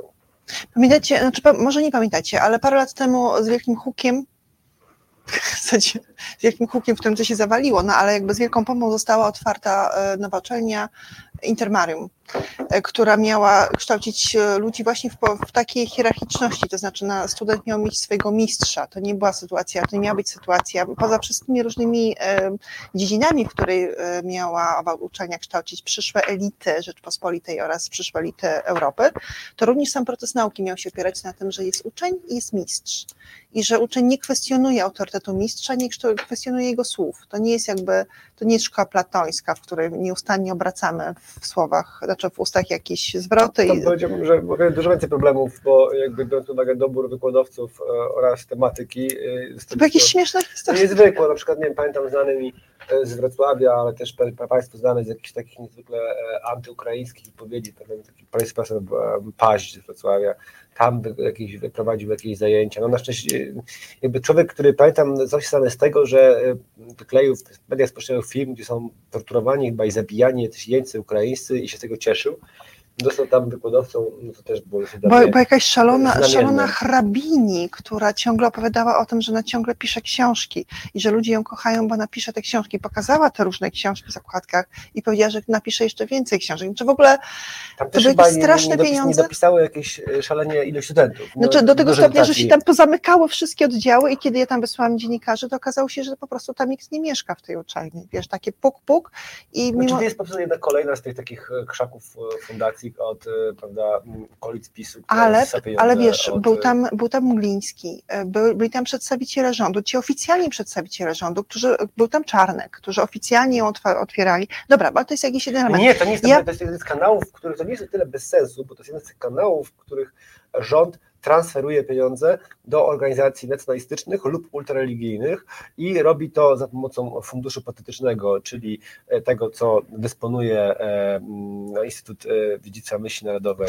Opowiedz od początku, bo wiesz co, bo my nie, nie jesteśmy w środku tej historii. No, Zacznij. to dobrze, to ja powiem tak, no, w przypadku PiS jakby sam w sobie jest partią takich, powiedziałbym, cynicznych technokratów, ale jednocześnie bardzo próbuje sobie zorganizować poparcie wśród skrajnej prawicy Tak. i transferuje ogromne pieniądze na różnego rodzaju organizacje. Najbardziej widoczną taką postacią jest oczywiście pan Robert Bąkiewicz i jego chyba już pięć w tym momencie stowarzyszeń i fundacji, którymi kieruje lub jest w zarządzie lub jest w składzie jakichś ciał zarządzających, ale Tak. niekoniecznie prawda, liderem. E, No i to jest taki najbardziej znany, ale tych transferów jest dużo więcej. Ale po, dlaczego, po, po co pisowi Bąkiewicz, skoro No, Ja, ja miałam teorię, że dla- po co, ale, ale No chciałam nie, no to jest bardzo proste. No, jeżeli em, PiS zaczyna zauważać, że rośnie mu powiedzmy jeszcze bardziej skrajnie prawicowa konkurencja od strony prawej, no to próbuje samodzielnie zagospodarować e, tych wyborców. Wyborcy prostu są, jest ich pewnie kilkanaście procent. Pamiętam taki wynik do e, Europarlamentu Ligi Polskich Rodzin, chyba 17 tam było w tym momencie e, procent, więc ja bym powiedział, że na 15 bym szacował spokojnie tego typu e, elektorat wielkość w Polsce, więc próbuje jakoś ich gospodarować. Podobnym krokiem jak pan Mąkiewicz i jego tam aktywność jest pan e, dużo bardziej powiedzmy nobliwy profesor e, Jan Żaryn. E, nie- Niedaleko tutaj znajduje się Instytut Dziedzictwa Myśli Narodowej im. Romanowskiego i tam to też jest miejsce, które ma przyciągać takich właśnie nacjonalistów, takich seniorów endeckich do popierania różnych pisowskich inicjatyw. Jedną z takich inicjatyw był na przykład list partia dla Andrzeja Dudy przed drugą turą wyborów ze strony środowisk nacjonalistycznych i tam dużo takich osób to podpisało. No, mój rozmówca ze strony Konfederacji, jak to nazwijmy, powiedział, że to jest lista stypendystów Instytutu Dziedzictwa, taka przyszła. Tak żartobliwie powiedział. No bo oni wiedzieli, że to jest Czyli- konkurencja dla nich. Czyli Bąkiewicz to jest ta nasza skrajna prawica, tylko lepiej odżywiona. Nie, to jest taka, która jakby... No lepiej odżywiona, bo ona, bo ona jakby ma skąd czerpać pieniądze. Ma- Konfederacja na razie musi się, musi się zadowalać e, przyszłymi zyskami. Skrajna prawica w Polsce tak realnie poza pisem, powiedzmy, podzielona jest na trzy części. Jedną jest taką, powiedzmy, Bąkiewicz, ale Bąkiewicz pokłócony jest już i z dawnymi kolegami, i z takimi korzeniami, powiedzmy, oddolnymi, neofaszystowskimi, bo z nimi też się pokłócił. A które to są neofaszystowskie? Są wszystkie takie małe grupy e, narodowo-socjalne, ja bym powiedział, to się neopoganie, trzecia pozycja, sztraseryści. Szturm. No, kurde, szturmowcy, tak to nazwijmy. No, Pismo szturm e, trudno inaczej nazwać pismem neofaszystowskim, więc to jest jakby tak chyba sensu e, stricte e, takiego rodzaju e, pismo. No i to są takie grupki. No i mamy tak, mamy, kom, mamy, tutaj, mamy tutaj Bąkiewicz, który już nie ma korzeni tych takich powiedzmy ulicznych, bo go nie lubią, ale ma powiedzmy pieniądze. I Soplicowa ma. No ma, ma, ma, ma pieniądze, pieniądze ma I kontakty Wille w rządzie Plus, tak, i ma, ma, ma, ma jakąś tam no. osnowę finansową i może na tym jakby zasysać jakieś osoby i próbować wciągać ich do propisowskiej działalności. Mamy Konfederację, która jakby oficjalnie konkuruje z PiSem o miejsce na prawicy jako taka główna siła, no na razie to idzie jak idzie, ale powiedzmy, że z Bąkiewiczem się nie lubią. Bob Bąkiewicz praktycznie przejął ich główną imprezę, czyli Marsz Niepodległości i do dzisiaj trwają jakieś tam boje między, e, kto jest właściwie w zarządzie tego e, stowarzyszenia, bo jednym mówią, że Bąkiewicz, drudzy mówią, że absolutnie nie Bąkiewicz, tylko właśnie Tak, oni, oni strasznie płakali na. Twitterze sobie nawzajem, mówiąc o jest- tym, a ktoś mi wszedł i zabrał panuje- komputery, panuje- a to nie były twoje komputery, Jest tylko ogromna moje. woj, ko, wojna i konflikt między e, Konfederacją a Bąkiewiczem o Stowarzyszenie Marsz Niepodległości, bo jest to największa demonstracja, taka dla nich ważna, którą może być reklamową platformą ich działania. I uwaga, trzecia ona grupa- jest już e, zgromadzeniem cyklicznym, dzięki neosędziom z SN-u. No pytanie brzmi tylko, e, jakby, czy nie nastąpi jakaś wewnętrzna bójka między tymi nieszczęśnikami z Konfederacji a Bąkiewiczem, bo tak naprawdę e, jedni i drudzy oskarżają się, jedni mówią, oni są zarządem, a inni, że oni są zarządem. No i mamy jeszcze tych takich powiedzmy e, oddolne grupy neofaszystowskie, których jest dużo, ale są na szczęście małe, od narodowo-bolszewickich, takich powiedziałbym jak kamraci, e, przez takie neopogańskie, jak e, Stowarzyszenie Niklot czy Stowarzyszenie Zadruga, po takie trzecią pozycję, czyli Narodowe Odrodzenie Polski albo Socjalną Alternatywę. One są Narodowe małe, ale aktywne i dość agresywne, powiedziałbym, jeżeli chodzi o ich aktywność uliczną, tak to bym nazwał. Więc jakby ta sklepika jest podzielona na parę części, e, no a PiS od kilku lat już próbuje kaptować jakieś nazwiska, jakieś grupy z tych dwóch obozów, które są na prawo od, od tegoż PiSu i wciągać ich do własnej działalności. Jeden to Bąkiewicz, no tutaj z innego wychodzi jakby tła, bo jest byłym senatorem PiSu, ale też ma pieniądze do rozdania, Czarnek ma do rozdania willę e, i mamy różne tego typu inicjatywy, które mają wciągać tych ludzi w osnowę PiSu i A po co w ogóle PiSowi taki? no oprócz PiS, tego, PiS, PiS dobrze definiuje, że istnieje taki elektorat w Polsce. On w tym momencie idzie za Konfederacją, ich mniemaniu, tak? To są jacyś tacy ultrapatrioci, ultrareligijni, ludzie tak ksenofobicznych. No możesz nie antysemityzm, bo PiS antysemityzm nie idzie e, zupełnie, w mojej ocenie, ale powiedzmy, że antyniemieckość to na pewno och tak, Znaczy homofobia pieniądze. lub tak. antyislamizm, no to tam tak. Więc te ci ludzie są, pokazywały to kolejne kampanie wyborcze, w których PiS próbował animować ludzi na przykład hasłami antymuzułmańskimi, antymigranckimi czy anty-LGBT. No i widzi, że ci ludzie są, no i nie chce utracić tych wyborców na rzecz prawda, Konfederacji, która no, jest bardziej przekonująca, bo jednak em, no, mogę założyć, że Grzegorz Braun naprawdę wierzy w swoje poglądy. Y, To przy Kaczyńskim nie jestem przekonany. Kaczyński raczej wierzy w władzę i to jakby chciał utrzymać. Korwin też wierzysz, wierzysz. Korwin ma też, tak wydaje mi się, że myśli, mówi to, co myśli. To, to jest jakby jego plusem, minusem e, na wielu On polach. dosyć stabilnie myśli, znaczy w tym sensie, że myśli to samo od wielu lat. Znaczy jakby no, wskazywałoby no, to, zarówno jego dokumenty z IPN-u, jak i książka Kąskiego wskazywałyby na to, że on ma dosyć osłabiony prawda, element em, empatyzowania i z innymi ludźmi i y, bardzo logicznie myśli, ale nie do końca rozumie reakcje emocjonalne. Ale on już jest wywołuje- wystawiony jako pacynka, to znaczy on, on, on jest atraktorem. I, I wydaje mi się, że jeżeli nie jest ich głównym ideologiem, to jest atraktorem, który, jak opowiadał Kącki, potrafi zaorać, e, mm, zaorać swoich przeciwników w dwóch, jakby w dwóch linijkach tweeta. E, Pamiętam tę historię, którą, on, które Marcin Kącki przytaczał, mówiąc na przykład, że, e, że Korwin mówi, no tak, no jeżeli będzie coraz goręcej, to co? No to sypią się lodowce i będzie więcej wody. I co mówią konfederaci? Zaorał. Powiem tak, że jakby przy, ja nie jestem tak antystycznie nastawiony na Korwinem Mikke, jeżeli chodzi o jego sukcesy, bo nie chodzi o poglądy, w ogóle nie jestem.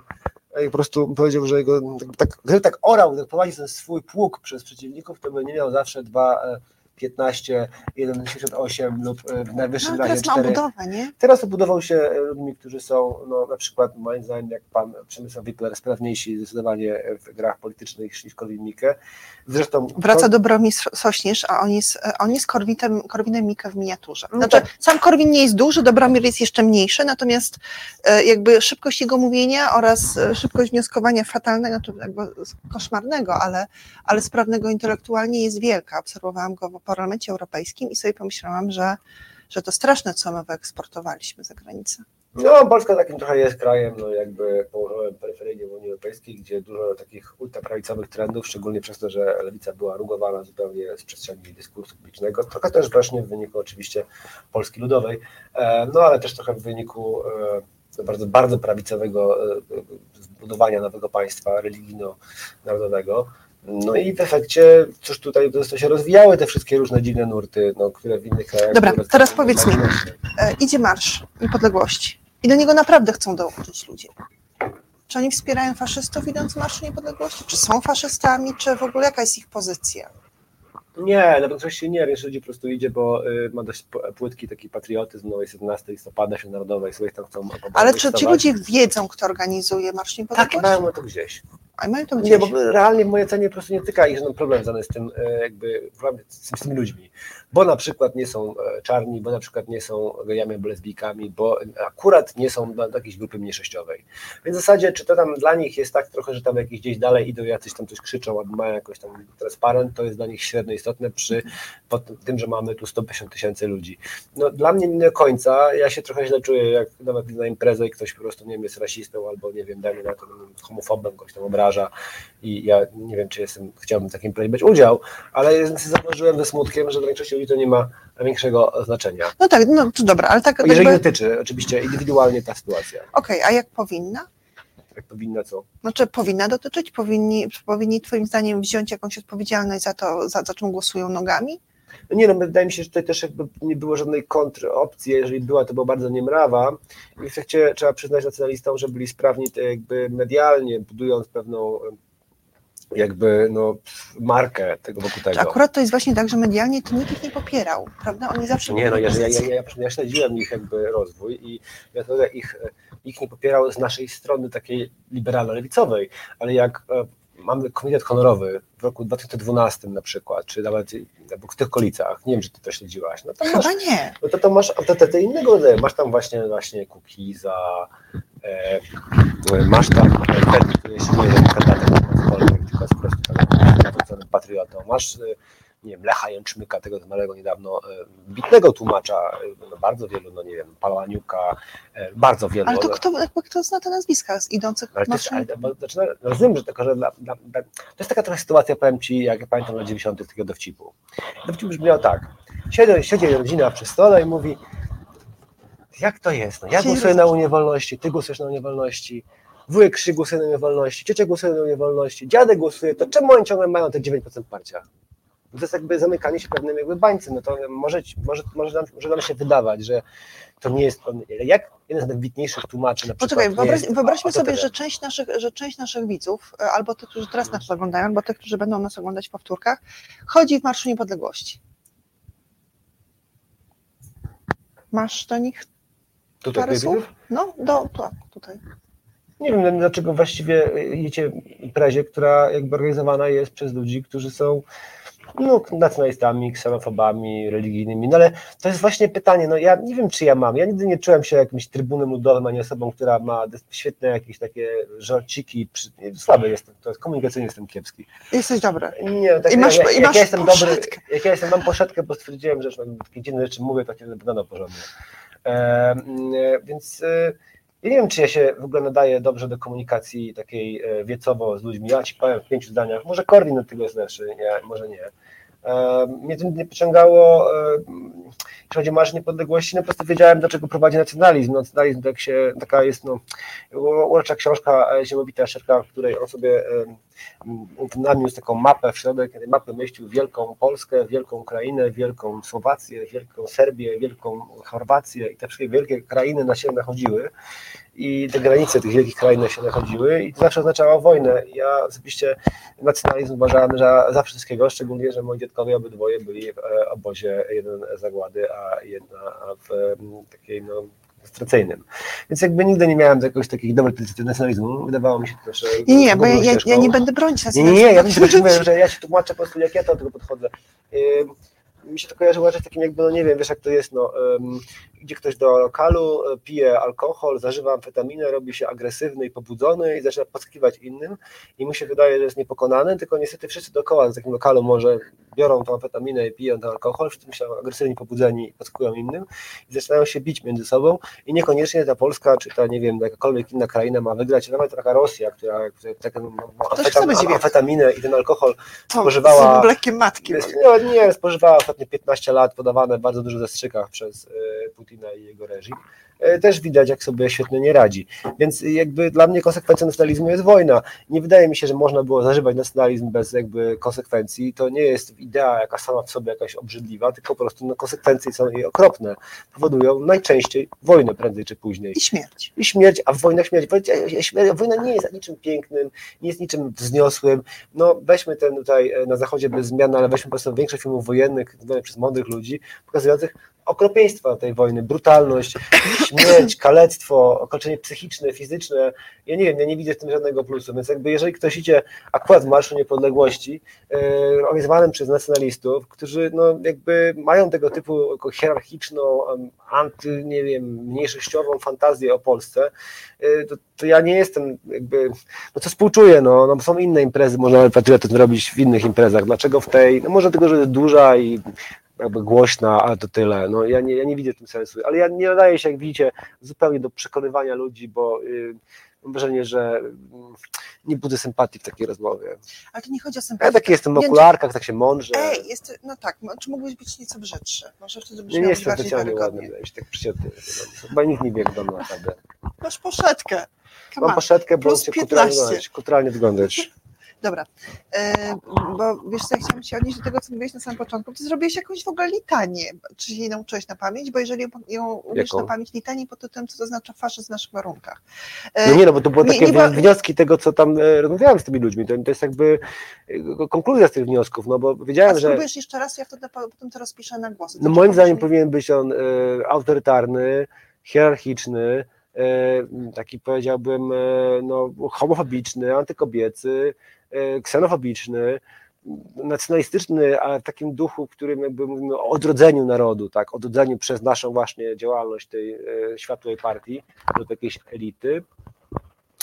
E, I taki zanurzony w tradycji i micie.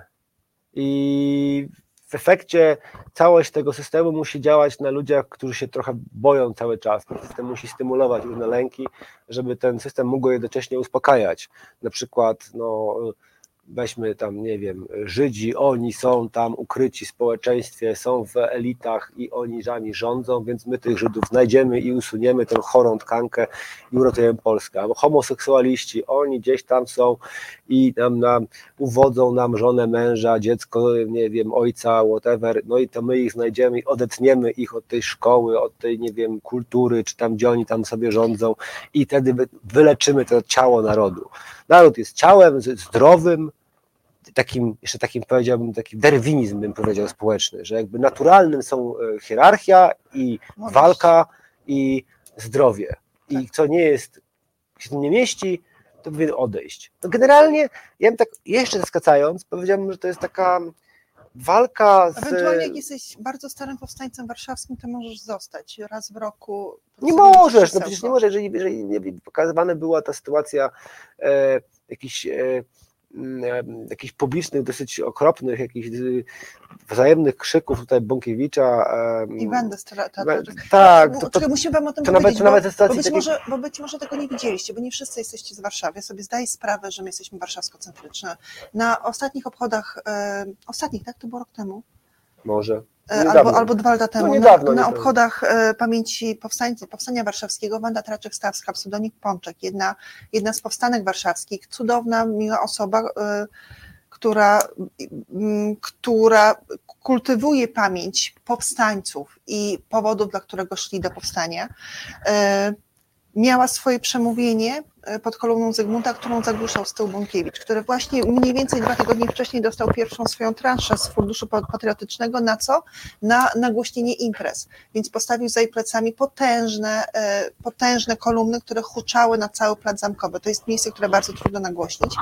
E, I takie kolumny postawione po prostu jakby 50 metrów od zgromadzenia, gdzie już mogły stać legalnie, potrafią zniszczyć e, jakby całą akustykę. Dodam, że kolumny zostały zasponsorowane przez polskie państwo w jednym z tych licznych grantów, które otrzymał e, organizacja pana Tak, dokładnie, na dokładnie, nagłośnienie. tak, dokładnie, ciekawostek. dokładnie to. I on do, do, tego, do tego właśnie użył tego grantu. To znaczy, e, no to znaczy puścił, e, puścił głośną muzykę czy przemówienie w momencie, kiedy zaczęła mówić Wanda Traczek-Stawska powstała. Tak, to jest właśnie ten, e, ten element em, szacunku. Okej, Więc jakby nawet będąc prawdziwą jakby powstanką, to tutaj nie ma to e, większego e, znaczenia dla tego systemu. E, No, ma on konstruować taką, taką hierarchiczną budowlę, dobra. w której e, my kontra oni. hi- Hierarchiczne. Co to znaczy w polskiej rzeczywistości hierarchiczne? No, że to są, że Polacy są lepsi niż na przykład migranci. A, że, a, okej. Że mężczyźni są e, bardziej istotni niż kobiety. Że heteroseksualni są ważniejsi niż homoseksualiści i ich prawa. Że mniejszości etniczne czy religijne są mniej istotne niż ta większość, czyli Polacy i katolicy, dajmy na to. I system podległości. No i ma być jakaś pewna różnica w prawach, różnica w dostępie. No oni, my tu jesteśmy u siebie, a oni tu nie są u siebie. To jest polski kraj, tu się mówi po polsku. No tego Mhm. typu uwagi są taką uliczną formą uważania tego samego. Istnieje jakaś hierarchia ludzi, ona ma różne prawa i to jest naturalne. W sensie w tym ujęciu faszystowskim, powiedzmy, czy skrajnie prawicowym szerzej, bo powiedział, że to jest wspólne dla i faszyzmu, i dla innych, powiedzmy, e, skrajnie prawicowych nurtów. Okej, antykobiecy. No, kobieta ma swoje miejsce, ma być w domu, być opiekunką e, dzieci, ma być się mężczyzną, który przychodzi z pracy. Nie pić za dużo, bo jeżeli pijesz za dużo, to potem trudno ci W ogóle nie powinna pić, bo kobiety w ogóle nie powinny same wychodzić, chyba że pije z mężem, no to może tam trochę, trochę wypić troszeczkę przy stole jakiegoś, ale to może pozwoli mąż. Kobiety nie powinny wychodzić, ponieważ wtedy mogą jakby, nie wiem, stoją jakby, nie wiem, no, wchodzić w jakieś niezdrowe relacje z innymi mężczyznami, zapoznać takich. Lepiej, żeby generalnie z koleżankami tylko wychodziły i żeby pod jakąś kontrolą, no bo to jakby budzi niezdrowe potrzeby w nich, takie jak na przykład, nie wiem, no, jakaś wolność seksualna albo niechęć do wiązania się tego typu z pierwszym mężczyzną, który do łóżka w życiu. E, Więc w tym sensie kobieta też e, musi mieć e, kontrolowaną seksualność, no bo jeżeli nie tylko w trakcie tych aktów, czy tam w okolicach tych aktów, ale też po aktach, no bo jakby i aborcja powinna być zakazana, ponieważ wtedy kobieta, nawet tak praktycznie rzecz biorąc, często no to ona spełnia główne funkcje opiekuńcze, więc no jest jakby trochę uwalona tym dzieckiem, jeżeli go nie chce albo, albo, albo go chce, to i tak ona będzie głównie się nim Mhm. prawda, zajmować, bo mężczyzna jest predestynowany do zarabiania na tym domu i wychodzenia z domu, ona ma jakby jak najmniej pracować. No jeżeli musi musi pracować, no to też takim jakby na rynku dzięki temu powiedzmy może wypełnić tę niszę kiepsko płatnych zawodów, pół etatu, ćwierć etatu. Przedszkolanki, takie łagodne zawsze. To tak, ale to, to, to, to optymistycznie myślisz. Ja mówię o tym, że może sobie tam coś dorabiać, ale generalnie ma zająć się domem. Oczywiście jest to nierealne w tej gospodarce i przy takich jakby do, do, do, do pieniądzach, jakie się zarabia, żeby no, mężczyzna w większym mieście była w stanie utrzymać samodzielnie nie wiem, partnerkę i dzieci. To jest nierealne w Polsce. No ale powiedzmy, że w fantazji to jest ten docelowy element. Także to jest antykobiece. No antykobiecość ma być właśnie kontrolą ich zachowań, seksualności, ale też i efektu tej seksualności, czyli ciąży i e, opieki nad dziećmi. Ksenofobiczne. Gdzie No, widzisz musi być, y, no, ten obcy musi dać swoje miejsce. No, to też czytam nawet tutaj niezwykłych, prawda, e, komentarzach. e, W ogóle Nie, no, jak też ktoś, tutaj. to, czy- jak E, ktoś, jak no, ktoś ale- się pojawia, wiesz co, z Nie, ale no, Konfederacji, po- to poczekaj, dostaje walorem. poczekaj, ale no, chodzi mi o to, że czytam, że a Ukraińcy oni zabijali w powstaniu, no to głównie Rosjanie akurat, ale zostawmy już, kto tam zabijał. E, różne grupy zabijały i jakby to nie jest dyskusja o tym, ale jest o tym, że musimy zbudować pewną hierarchię etniczną między tymi, którzy są e, jakby nasi i którzy są nie nasi. Yy, No to to ma też przełożenie na gospodarkę, bo dzięki temu ci nie nasi wykonują gorsze e, prace. Nie mamy z nimi jakiejś wspólnoty, w sensie jak związki zawodowe albo e, jakieś... Boże, jak się że ty tym mówisz. Tak. No ale tak to wygląda. No, jakby ksenofobia jest potrzebna po to, żeby nie było, żeby ta klasa ludowa, tak to nazwijmy, czy powiedzmy pracująca, nie mogła w jakiś sposób się zjednoczyć, tylko zużywała swój czas i energię na nienawidzenie tam konkurencji, który jest Ukrainiec, Białorusin, czy tam w innych warunkach to będzie Meksykanin we USA, czy nie wiem, Algierczyk we Francji. To nie ma znaczenia o kogo chodzi, bo zawsze myśli się jakieś tam historyczne, a to są e, islamiści, a to są ryzuny, a to są brudasy, są a rezumy? no ci to riezają lachów, to mordują, A, mordercy. Ukraińcy, tak? Mordercy, w sensie to chyba Ryzum to będzie morderca dosłownie. Taki, który rieza, jak rozumiem. No więc jakby należy zbudować jakąś taką em, hierarchię. Przepraszam, mamy tutaj pytanie, do, pytanie uszczegóławiające, z, z kim macho mają zdradzać swoje żony, z kumplami. Pewnie jest taka... Nie mam no to- pojęcia, z kim to ma swoją partnerkę. Zupełnie mnie to nie anty- zajmuje. Antykobiecym jest pewnie jakaś grupa e, kobiet markietanek. Które... Myślę, że chodzi to, że prostytucja jakby tutaj jest y, akceptowana. Myślę, że Korwin pokazuje taki obraz takiego mężczyzny y, karykaturalnego z ideału tego typu ultraprawicowego. On też regularnie mówi o jakichś swoich tam romansach, czy korzystaniu z usług prostytutek i chyba nie, nie, nie, nie spotyka się to z jakimś dramatem, jakby reakcją, reakcją No jest taka pola kobiet wyłączonych trochę z praw człowieka, których na przykład nie można zgwałcić. I to są, i to są w rozumieniu... e, Znaczy, w rozumieniu takiego, takiego patriarchalnego systemu no jest jakiś taki wentyl w postaci no, seks workerek, jak to nazwiemy, no generalnie e, w, taka, taka, w, takim, w takim ustroju gdzieś to jest. One są pogardzane, dlatego muszą być pogardzane, żeby może komuś nie przyszło do głowy jakby pracować w ten sposób, e, zarabiać pieniądze. Nie, nie najważniejsze mówić, że sex for to work. No nie, ja bym powiedział, że to jakby jest duża rozpiętość tych jakby, no, jakby sex work jest też klasowo jakby e, zorganizowany od osób, które są przymuszane do osób, które zarabiają duże pieniądze i jakby cała ta rozpiętość bytów jest dość szeroka, więc ja myślę, w tą dyskusję nie wejdę, bo mnie tutaj już teraz, to nie to chodzi. Ważne, że istnieje jako taki i spełnia jakąś funkcję dla tych właśnie wysoko postawionych mężczyzn, którzy mogą z niego korzystać. Ja jeszcze Wam po- powiem, dlaczego jest nam potrzebna ksenofobia. Potrzebna nam jest ksenofobia, nam wszystkim, do tego, żebyśmy, żebyśmy nie zająknęli się e, na temat praw pracowniczych tych Pakistańczyków, czy, czy mieszkańców Indii, czy innych mieszkańców z Azji, z z Azji Wschodniej, którzy przyjeżdżają do nas, żeby budować petrochemię i żeby budować fabryki e, i teoretycznie na papierze zarabiać najniższą krajową, z czego na przykład jedna trzecia owej najniższej krajowej idzie na, na opłacenie im e, prycz e, w kontenerowych osiedlach, które są budowane obok takich budów. W, takiej, w takim jednym kontenerze mieszczą się trzy prycze podwójne. E, Ksenofobia jest po to, żeby nikt z nas nie zażądał od przedstawicieli swojej partii tego, żeby tam pojechali sprawdzali, czy ci ludzie dostają to wynagrodzenie do ręki. I czy jest płatne przynajmniej w takiej formie, znaczy przynajmniej w takiej wysokości, w jakiej obowiązuje w naszym kraju. Bo my nie chcemy tego wiedzieć. My chcemy mieć tanio zbudowane fabryki e, i e, ludzi trzymanych z daleka od cywilizacji, nawet jeżeli przyjeżdżają z dalekiego kraju. I ja wiem, że, że jakiś czas temu stali się pewnym elementem zainteresowania, kiedy zaczął mówić o nich Donald Tusk w swoim, w swoim wystąpieniu, ale chcę Wam powiedzieć, że ksenofobia jest w nas. I to, co mówił Żakowski e, na temat książki em, Przemka i to, co mówi sam Przemek w swojej książce, jak rozumiem z tej recenzji, e, mówi o tym, że, on, że te wszystkie elementy to nie są elementy zewnętrzne, tylko są to, są to elementy, które my wszyscy popieramy. No tutaj akurat znalazłam ten element, który wszyscy popieramy, prawda? Wcale nie chcemy, żeby ktoś tam pojechał i, po, i jakby e, i bronił praw pracowniczych e, Pakistańczyków, nie? To nie każdym tych elementów, który to jest, można znaleźć e, u kogoś znajomego, który to coś takiego uważa. I to uważa w takiej łagodnej formie i w tym sensie e, jakby na takiej zasadzie mamy już jakąś przecinkę pod e, przyszły potencjalny taki e, ustrój, czy to faszystowski, czy jakiś ultra prawicowy w, te, w tym duchu. No bo ksenofobia, tak powiedziałaś, po to jest potrzebna. Polski jakby em, system gospodarczy opiera się na taniej sile roboczej.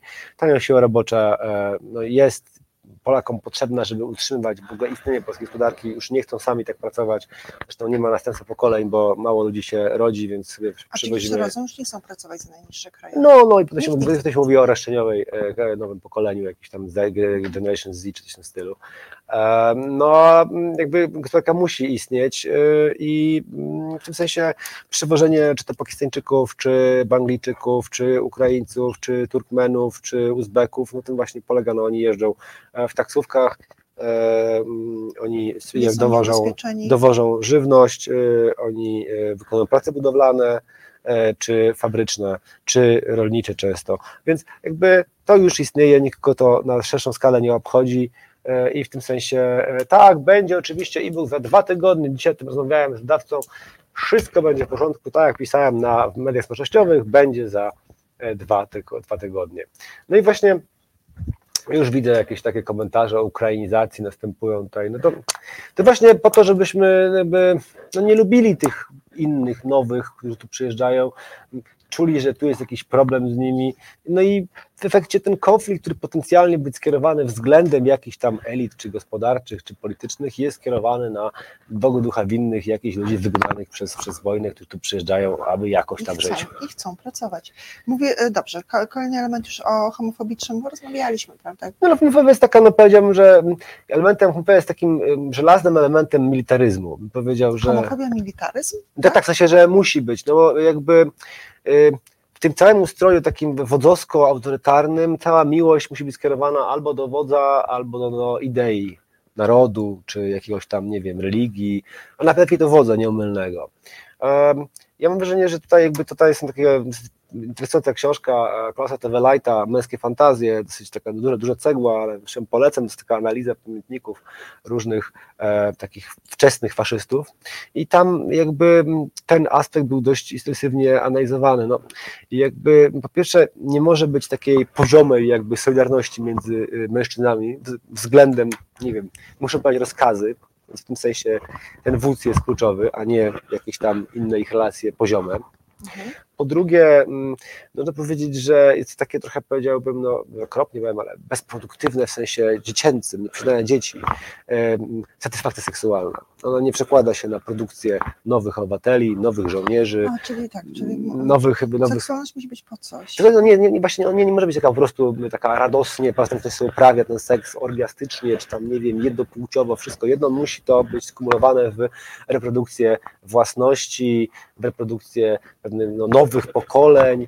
Em, Ten militaryzm jest o tyle też istotny, że jakby te faszystowskie ustroje, one budują, no nie powiedziałem, że ten jest jeszcze faszystowski, powiem Boże, ale wczesne faszystowskie, wcześniejsze, budowały taką wizję mm, potencjalnego konfliktu zawsze. I każdy był potencjalnym żołnierzem, potencjalnym rycerzem, obrońcą jakiejś idei, sprawy, narodu, czy No patrz, ale przecież budujemy sobie WOT, prawda? Dostajemy na to ogromne pieniądze. Są jacyś generałowie i w ogóle oficerowie tego WOT-u, którzy awansowali w ciągu paru miesięcy z, po prostu z, no znikąd. znikąd. Ale potem także to, to ładnie, takie ładnie wytłumaczył wynagrodzenie. Jacek Kochanowski w kwestii em, tegoż e, jeszcze jednego argumentu, a takiego powiedzmy związku militaryzm a, a homofobia.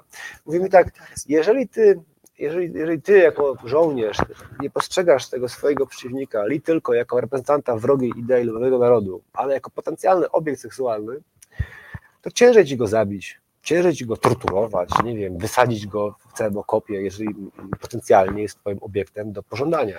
A, to dlatego mają mężczyźni to jest zabija, czy z zabijaniem kobiet? No, mi się wydaje, że to jest właśnie taki element, który zawsze wydaje mi się istotny. Dzieci są małe i niegroźne, w tym sensie, że to już jest okrutne, one budzą jakby sympatię, mają te wielkie oczka, są takie niewinne, może mieć własne dzieci, no, powinien jako żołnierz własne dzieci, po to były te Lebensborny e, dla e, nazistów, żeby już te swoje cenne geny e, zostawiali gdzieś i napładniali nowych, były nowi żołnierze, czy nowi Aryjczycy, tak naprawdę, no to tutaj jakby te kobiety, no dlaczego właściwie ich by nie zabijać? W tym sensie, no są armie, w których przecież kobiety walczą, mogą mieć karabin, nóż, no nie wiem, moja e, siostra mojego dziadka zadźgała, próbującego zgwałcić żołnierza Wehrmachtu, e, jego własnym bagnetem i go zabiła ostatecznie, więc jakby też była dość skuteczna, mimo jakby, że była kobietą, prawda? Kobiety były łączniczkami, były są teraz snajperkami, żołnierkami, generałami, no generalnie nic tutaj nie wadzi, żeby je A- zabijać. A wciąż jest jakby... A jakiś taki jest, no bo kobieta jakby, kobieta w ogóle w społeczeństwie takim patriarchalnym powinna mieć skasowaną agresję. Ona jest wychowana po to, żeby nie być agresywna. Ma problemy z okazywaniem agresji. Mężczyźni właściwie ze wszystkim poza agresją. Znaczy nie może płakać, nie może się smucić, nie może być e, przestraszony, ale może grzeć się, może walnąć pięścią w stół, bo jest agresja do wojny. Do, do, do, do wojny.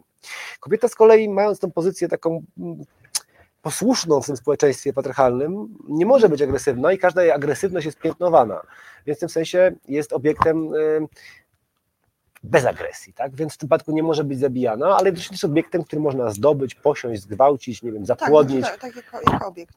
E, Słuchajcie, czy wy, wy widzicie jakiś skręt militarny w naszym państwie? Znaczy te wszystkie, e, te wszystkie wielkie konferencje Błaszczaka, wcześniej e, e, kto tam był przed Błaszczakiem, Brodzińskiego, przed płotem, obok płotu, nad płotem, em, nie wiem, ostatnio, ostatnia informacja o 10 miliardach złotych kredytu, które zupełnie poza budżetem e, polskim on będzie zaciąga taką pożyczkę u Koreańczyków czy u Chińczyków.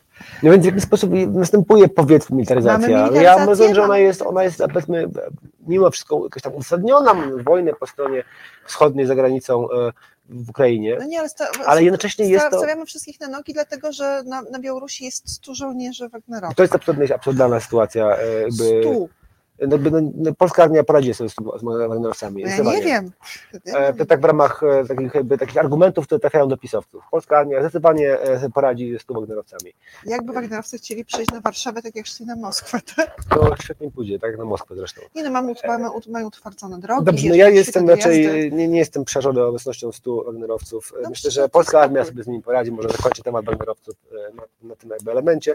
Nie wiem do faktu, że budowana jest taka wizja historii militarystycznej. No przecież że ja pamiętam doskonale podręczniki, e, które musiałem niestety wkuwać na pamięć, bo takie miałem egzaminy i na stosunki międzynarodowej, na prawo, które studiowałem.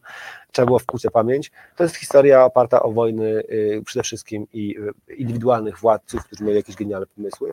Przy czym potem na studiach okazało się, że historia opiera się na wszystkim przemianach gospodarczo-kulturalnych, które musiałem nadrabiać. Bo Okazało się, że całą tego podstawówka tego e, nie, nie robiła, mimo tego, że byłem olimpijczykiem z tych uroczych przedmiotów. Ty jesteś olimpijczykiem z wojen, tak? A z Nie no, byłem z, no, z- no, z historii, z, e, Nie no, w tym sensie, że my wszyscy byliśmy przecież właśnie swoje. no w tym sensie tak, tylko że, geografii z WOS-u? tylko, że Ty byłeś takim olimpijczykiem? no, w podstawówce i liceum. To no, był e, jakiś triatlon? Nie no, taki, że potem się zajmuję w zasadzie, bo to mnie interesowało jak te aspekty. No, nie, nieistotne. Istotne jest to, że no, się pochwaliłem Nie. artystycznie, super, ale idźmy dalej. E, generalnie nie robiono w, em, w liceach za dużo em, historii gospodarczej, która była kluczowa i potem Polak nie, nie ma pojęcia nic o tym, co się dzieje poza Polską w dziejach, to jest problem. I może dlatego nie doceniamy Unii Europejskiej, znaczy nie doceniamy wspólnoty gospodarczej, która trzyma pokój w Europie, bo nikomu nie opłaca się mieć ze sobą wojen. I może tak naprawdę to, co ja mówię, jest hiperbanalne, ale prawdą jest, że nikt z nas nie mówił o tym, jaką, jaką cenną Unia wartością dla Europejska rozwoju. powstała dlatego, że mieliśmy dwie krwawe wojny, w których prawie się pozabijaliśmy wszyscy tutaj. E, I tylko w sumie mm, interwencja amerykańska dwukrotnie zatrzymały wyżynanie się Europejczyków e, w stopniu dramatycznym. W pierwszej wojnie głównie wyżynali się zachodni Europejczycy, e, no nie tylko oczywiście też wojska kolonii, na przykład, nie wiem, no, angielskie, no nieważne. W drugiej wojnie wyżynano i cywilów, i głównie środkowo- i wschodnioeuropejczyków. To taka równowaga nastąpiła.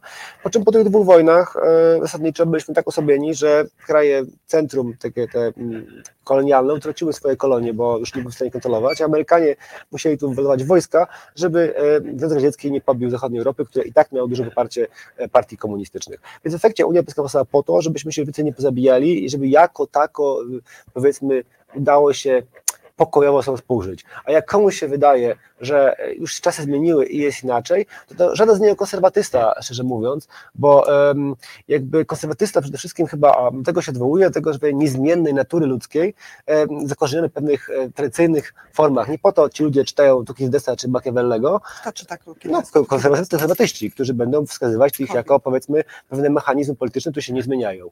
Skoro się nie zmieniają i skoro tak to właśnie wygląda i wyglądało zawsze, to jeżeli się nie zmieniają, to znowu się pozabijamy. Jak zlikwidujemy z tą Unią Europejską w tej nieszczęsnej Europie. No, to by wynikało z ich nawet konserwatyzmu, czyli powiedzmy gówniani z nich konserwatyści. No ale, więc jakby historia polska uczona jest militarnie, Polska buduje się jako taka fantazja o lokalnym imperium, e, na, ładuje pieniądze w militaryzm e, i cywilny, czyli te wszystkie wojska, wojska obrony terytorialnej i e, militaryzm, e, jeżeli chodzi o wojska, o wojsko polskie, no to jest to element, który można do takich powiedzmy reakcyjnej prawicy, jak to nazwijmy, ująć. Ja moim zdaniem to w Polsce raczej idzie nie w kierunku e, rewolucji e, nacjonalistycznej w duchu Adolfa Hitlera, raczej Polska ma się kierować w jakimkolwiek kierunku tego typu bytów politycznych, to raczej bym wskazywał generała Franco, dyktatura Portugalii Salazara, czy generała Pinocheta. To jest to, co pociąga Jeszcze raz mówię ci, wielu to prawicowców. wca- wcale nie uspokaja. nie, to wcale nie uspokaja, tylko są innego rodzaju, bo mam wrażenie, że używanie fa faszyzm rzeczywiście jest zakorzeniony w jakiejś konkretnej ideologii, konkretne e, wyznaczniki. Gdybyśmy mówili o e, reakcyjnej prawicy, której sama ta reakcyjna prawica tak sobie mówi, jakby wielokrotnie ludzie typu, no nie wiem, Brown, czy Bartyzel Senior, czy wielu innych, to tak sobie mówią, to mm, moglibyśmy po prostu pokazywać te przykłady tych mm, systemów, które realnie nam grożą. A realnie w Polsce prędzej czy później może wystąpić coś, co bym powiedział, będzie jakąś tam bieda analogią do ge- generała Franco i jego reżimu, czy do Salazara bardziej bym powiedział, bo to taki będzie taki nobliwy e, autorytaryzm, e, jakby tak, taki no, mniej może interesowany niż, niż Franco, bo tam jednak wojna domowa to jednak wymyśliła trochę taką, jakiś sznyt wojskowy. Taki portugalski bym powiedział z ducha. Dobra. Kolejny element, który wymieniłeś jako te, które są elementami faszystowskiego ustroju, jest zanurzenie w tradycji, w micie. E, To, e, to widzimy, prawda? Znaczy, o tym mogę powiedzieć sama, ale też wolałabym, żebyś powiedział ty. Jak, jak widzisz e, w ciągu ostatnich paru lat, jak rozwijamy mit naszego państwa i No przecież no jakby jesteśmy na, na, na, micie utworzonym państwem, no zacznijmy od całego wykreowania e, tego mm, mitu wyklętych. To całe jakby, ja bym powiedział, że okej, tak, to jest zupełnie nowy mit, nie? No to jest jakby coś, co gdzieś sobie istniało gdzieś na jakimś marginesie. Myślę, że były jakieś przekazywane typu, no nie wiem, na migracji albo jakieś szeptane informacje o tym czy tamtym, ale nie, nie nie istniał jakiś konkretny jakby zespół e, pewnych wyklętych. Dopiero zaczęło to się kreować w, e, myślę, że w latach mm, 90. No pierwsze rzeczy bym znalazł jeszcze w, w, powiedzmy jak się PRL rozluźnia pod koniec lat 80., to gdzieś tam się niezależnie pojawiają pewne większe ilość informacji, pewne hasła, przestaje się mówić jako o bandach, które się zwalczało, całe PRL to były bandy do zwalczania i czego przykładem jest na przykład film e, Ogniomistrz Szkaleń na przykład, e, e, Petelskich chyba to jest film, e, który pokazuje właśnie walki z UPA i walki z Majerem Żubr, Żubrydem. Ściburylski to był, sorry, nie pamiętam, kto ten kolej nakręcił. E, Petelscy nakręcili Wilcze Echa, Czy Wilcze Tropy. To, był taki polski western. No nieważne, ale ważne, że to był taki raczej obraz, Tak, że, że gdzieś tam na Ukrainie po lasach się Że jak- że- że jak- dzicy, że jak, że jak był, że, że jak był taki to właśnie major Żubryd, pijany, agresywny, taki jakiś ultraprawicowy Polak, e, którego tam zwalcza ta grupa Kalenia Albo biedny Hubal, który tam...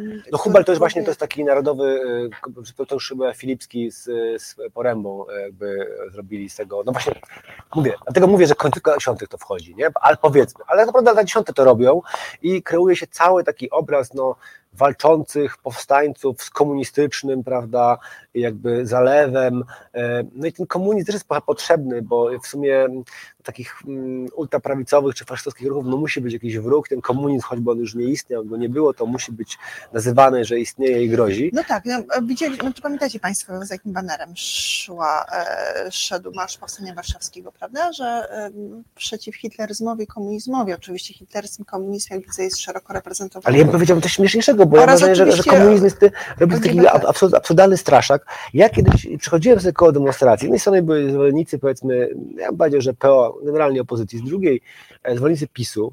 Jedni byli chyba główną demonstracją, drudzy jakąś taką kontrą i jedni z drugimi się wyzywali od komunistów.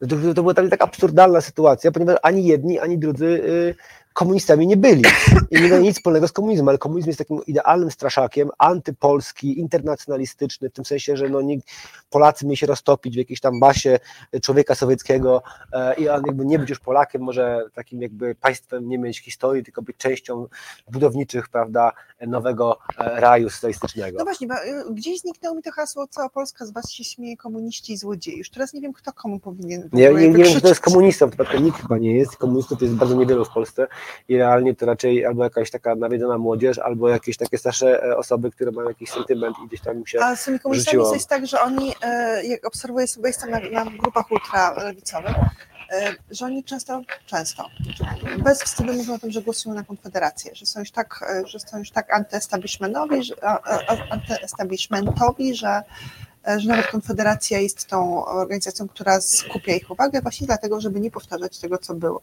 No, no, było, ale- było niewystarczająco komunistyczne. Znaczy w ogóle Ale wracając do tej tradycji i mitu, bo to chciałaś to pytać. Chciałam- chcę. Więc, tak- więc kreacja tego typu fantazji o tym, że Polacy masowo walczyli z komunizmem w latach 40.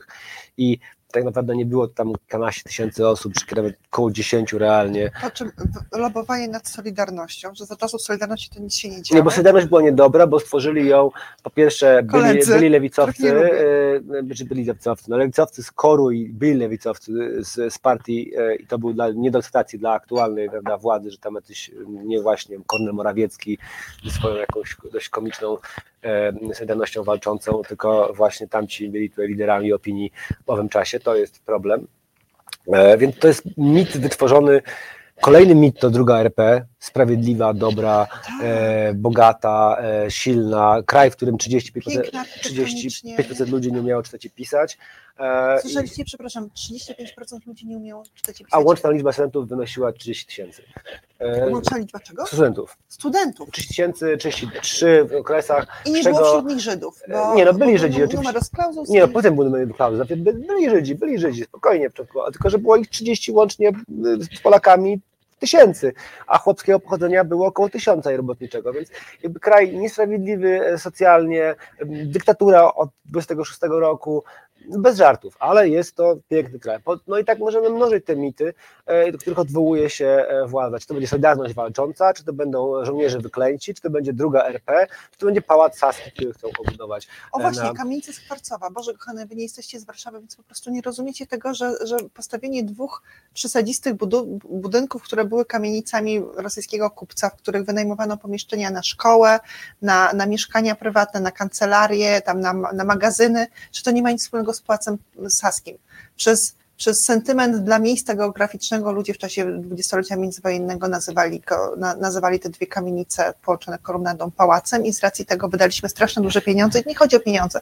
Chodzi o to, że jeżeli będą się pojawiały jakiekolwiek teraz demonstracje, czy jakiekolwiek e, koncerty na, e, na placu Piłsudskiego, to po prostu wszyscy tam umrzemy z braku powietrza bo kamienica, te dwie, dwie potężne kamienice oddzielą nas od Parku Saskiego, a przy okazji wyrośnie się kilkanaście czy kilkadziesiąt dębów, które były zostawione. Niektóre mają pieczątki, plakietki, że są dębami przyjaźni na przykład z jakimiś narodami.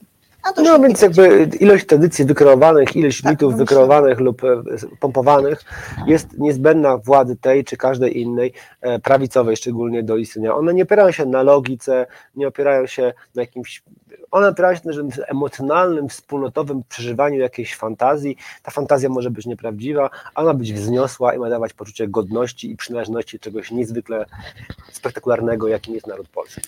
Bardzo dziękuję. Na, nacjonalizm już sobie omówiliśmy, y, militaryzm omówiliśmy.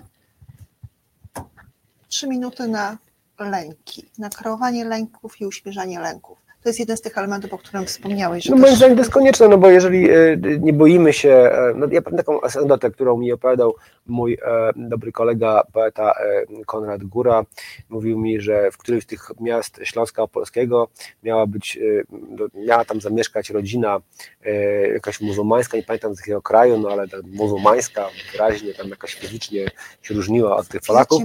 No taka, że ciemniejsze od Ja. skóry i jednocześnie byli muzułmanami. No i zebrała się wtedy cała jakaś tam grupa duża, 300-400 osób, aktywistów takich skrajnie prawicowych, to nazwijmy, czy tam zwolenników i tam się udała tego małego miasteczka typu nie wiem, 15 tysięcy, 20 tysięcy mieszkańców i zaczęła tam chcieć protestować. Nie wiem, czy się w końcu to udało, czy nie, ale jakby pytam go, taką cholerę oni chcieli tam jechać, do jedna rodzina przyjeżdżała. Mówi, no, no to byłoby tak, ja mówię, ona przyjechała, ludzie by ich poznali, ten Ahmed czy Fatima, czy jakby tam by im było, okazaliby się normalni, nijacy, zupełnie nie są jakimiś terrorystami, islamistami, ona nie chodzi w burtę, on nie ma turbanu, nie, no nie wiem, tu szachida i nie marzy tylko, żeby się wysadzić, tylko żeby, no nie wiem, pracować na, na poczcie, dajmy na to, to okazałoby się, że całe te lęki są, no, nie, nie działają już, bo jeżeli ja w takim małym mieście mogę taką osobę poznać, to dla mnie już nie jest jakimś tam tajemniczym, groźnym, szalonym, odmiennym, e, obcym, innym, który mi grozi czymś w mojej fantazji, tylko e, jest e, powiedzmy kimś potencjalnie znajomym. A co tym idzie, nie mogę go się bać, nienawidzić. Mam jakieś prywatne zdanie, mogę nie lubić tego Ahmeda albo go lubić, ale nie lubię tego, że on jest taki, ma takie cechy jako człowiek, a nie dlatego, że istnieją jakieś magiczne cechy Ahmedów wszystkich. Więc w tym sensie to jest ten lęk, bo to jest potrzebny. Lęk musi być, mamy nie, jakoś nie zna się, nie wie, Nie wolno go rozpraszać, to znaczy trzeba go kreować. trzeba podtrzymywać. Na przykład dlatego media prawicowe bardzo lubią dawać jakieś skrajne przykłady. No, na przykład no, no, znam, załóżmy e, osobiście, O, czekaj, pisze, pisze nam Iza, No, że musimy kończyć. to jest też- to już kończę, dasz, no, dasz, my, dasz nam półtorej minuty, Iza, dobra? Półtorej minuty, słowo honoru. Kończ. no, my, znam osobiście, nie wiem, kilkadziesiąt osób, nie wiem, gejów lesbijek, z czego większość jest zupełnie nudna. Znaczy taka przeciętnie nudna, w sensie są fajni, niektórzy są. No oso, osobowo mają jakieś cechy, ale no nie są w jakiś sposób wybujali w tym wszystkim, ani w tą, ani w tamtą, ani w żadną. No ale... Może seks mają radośniejszy już. A czy mają, że- czy nie mają, czy nie wnikam, nie uprawiam z nimi seksu, nie mam pojęcia. Bardziej chodzi mi o to, że w prawicowych, e, takich typowo skrajnych wizjach będą próbować przedstawić osobę, która będzie najbardziej radykalna w jakimś czymś, jako typową dla pewnego trendu. To, że większość moich znajomych no, lesbijek, gejów są tacy no, zupełnie nijacy, no, czy no, nie, no nie, są wspaniali, bardzo ich lubię, kocham was wszystkich, jesteście super, ale chodzi o to, że nie, jest, nie są jacyś rozbuchani niezwykle w tym swoim jakby, jakby tożsamości akurat, akurat seksualnej, to, to nic nie znaczy. Ważne, że będzie, a ten większość nie zna. No, pytam, nie moje siostry, no, no, osoba to pewnie jakby mainstreamowa bym powiedział, pracuje na uczelni, wszystko okej. No to ja wiesz, ja tak nie bardzo wiem, kto jest tam, jest, czy nie wiem, czy ja znam, może taki jeden kolega, ale nie jestem A to, pewien. to powinno być okej. Znaczy, że nie No okej, wiem, no, znam. ale okej, no nie, no nie znam, no, ale nie wiem, że ilu, moja siostra to nie, nie, nie ma jakiegoś problemu na plus, na minus z tym tematem, ale po prostu, po prostu nie zna. Jeżeli im się pokaże w mediach osobę skrajną w jakimś tam obrazie i wtedy mówi, tak są oni wszyscy, to wtedy ona to utożsamia z tym wszystkim, Jest bo realnie nie sytuacja, zna. że nawet realnie znasz, ale, ale to, ta w przekazie jest bardziej, bardziej jakby Gwarantuję, gwarantuję ci, że większość Polaków nie zna żadnego osobiście muzułmanina, albo może poznała w tym roku lub w pięciu latach, bo przyjechali i kupili sobie coś do jedzenia, albo im przywiózł takie jedzenie i też oni tego nie- są pewni. Gwarantuję ci, że większość osób wcale nie ma jakiejś szerokiej sieci znajomych, którzy są e, gejami, lesbijkami, osobami trans. To prawda. E, Ma raczej nikt, prawie nikogo nie zna takiego i generalnie mało się, mało ma różnorodnych znajomych, ma podobnych do siebie znajomych. I w efekcie... Można, można wymyślić na przykład, że, że zielone ocy na przykład to są osoby, które zarażają rakiem. I słowo honoru można zrobić tam taką kampanię i ktoś to łyknie, a potem, a potem zamieni się to w mit. E, I obiecam idzie, że to będzie półtorej minuty. Jak byś podsumował w ogóle, e, po- podsumował to swoje rozważanie i zachęcił do tego, żeby kupić książkę, która nazywa się co się nazywa? Książka nazywa się e, Faszyzm, Tu nadchodzi. który nadchodzi. No wiesz co, no powiem Ci tak o, em, czy ja bym zachęcił, no ja bym tak o, nie jest to moje wielkie rozważanie, tylko dużo pytań zadawałem, które wydawały mi się zasadne osobom, które znają się lepiej. E, na różnych aspektach tego potencjalnego faszyzmu, który e, nadchodzi. E, I w efekcie wydaje mi się, że odpowiedziały sensownie, powiedziały o różnych elementach i to są takie pytania, które możecie sobie zadawać sami i może w ten sposób nie w postaci mojego jakiegoś tam wykładu, który ja bym wytłumaczę jak jest, tylko tego ile osób zna się na różnych elementach tego, będziecie mogli samodzielnie wyciągnąć wniosek jak to wygląda. No ja jakiś z tego wniosek wyciągnąłem, mi to dużo dało te rozmowy, tak sobie myślę, czy nie przygotować jeszcze innego zestawu na później przyszłego, podobnego. Ja już powiedziałam, że on będzie i że on będzie dotyczył odpowiedzi, jak się z tym obchodzić. Ha, ha, ha. No, zobaczymy, co będzie. Ja mam różne jeszcze pomysły, ale te rozmowy są o tyle interesujące, że ja lubię taką formę dialogu. To się też przyjemnie czyta, to nie jest takie, że można jechać do pracy, przeczytać jeden na przykład i też zastanowić się nad tym. E, Ja osobiście lubię formę wywiadu. i ze mnie zabije. E, Juliusz Pilarski był naszym patronem naszego, naszego programu i sponsorem całego miesiąca. Bardzo mu dziękujemy. Dziękujemy Wam wszystkim za to, że wpłacacie pieniądze i dzięki temu słychać było i mnie, i, i Przemka. Chcę Wam powiedzieć, że w sprawie sondaży niewiele się zmieniło, to znaczy mamy, mamy mniej więcej 15, 15-mandatową różnicę pomiędzy tym, e, co, co zbiera strona opozycyjna, a tym, co zbiera prawica, czyli e, nadal brak jednej listy powoduje to, że po prostu nie wygrywamy. To teraz jak się rozpadnie trzecia droga na PSL i, i Hołownię, to już w ogóle możemy sobie pomarzyć i, i pomachać. E, Dziękuję e, Izabeli Kiszczak, która była naszą, naszą realizatorką. Widzimy się za tydzień. Bardzo, bardzo się cieszę, że przyjąłeś to zaproszenie. Bardzo. To jest hiper ważne, żeby ktoś mówił o tym językiem, e, językiem naukowym i uczył tych wszystkich elementów. Mam nadzieję, że słuchaliście tego z uwagą i zawsze E, Autohierarchia, homofobia, hierarchiczność, antykobiecość, ksenofobia, nacjonalizm, zanurzenie w tradycji, e, lęki oraz militaryzm stanowią, stan, będą dla Was stanowić te wszystkie elementy, które świadczą o polskim faszyzmie. Do widzenia.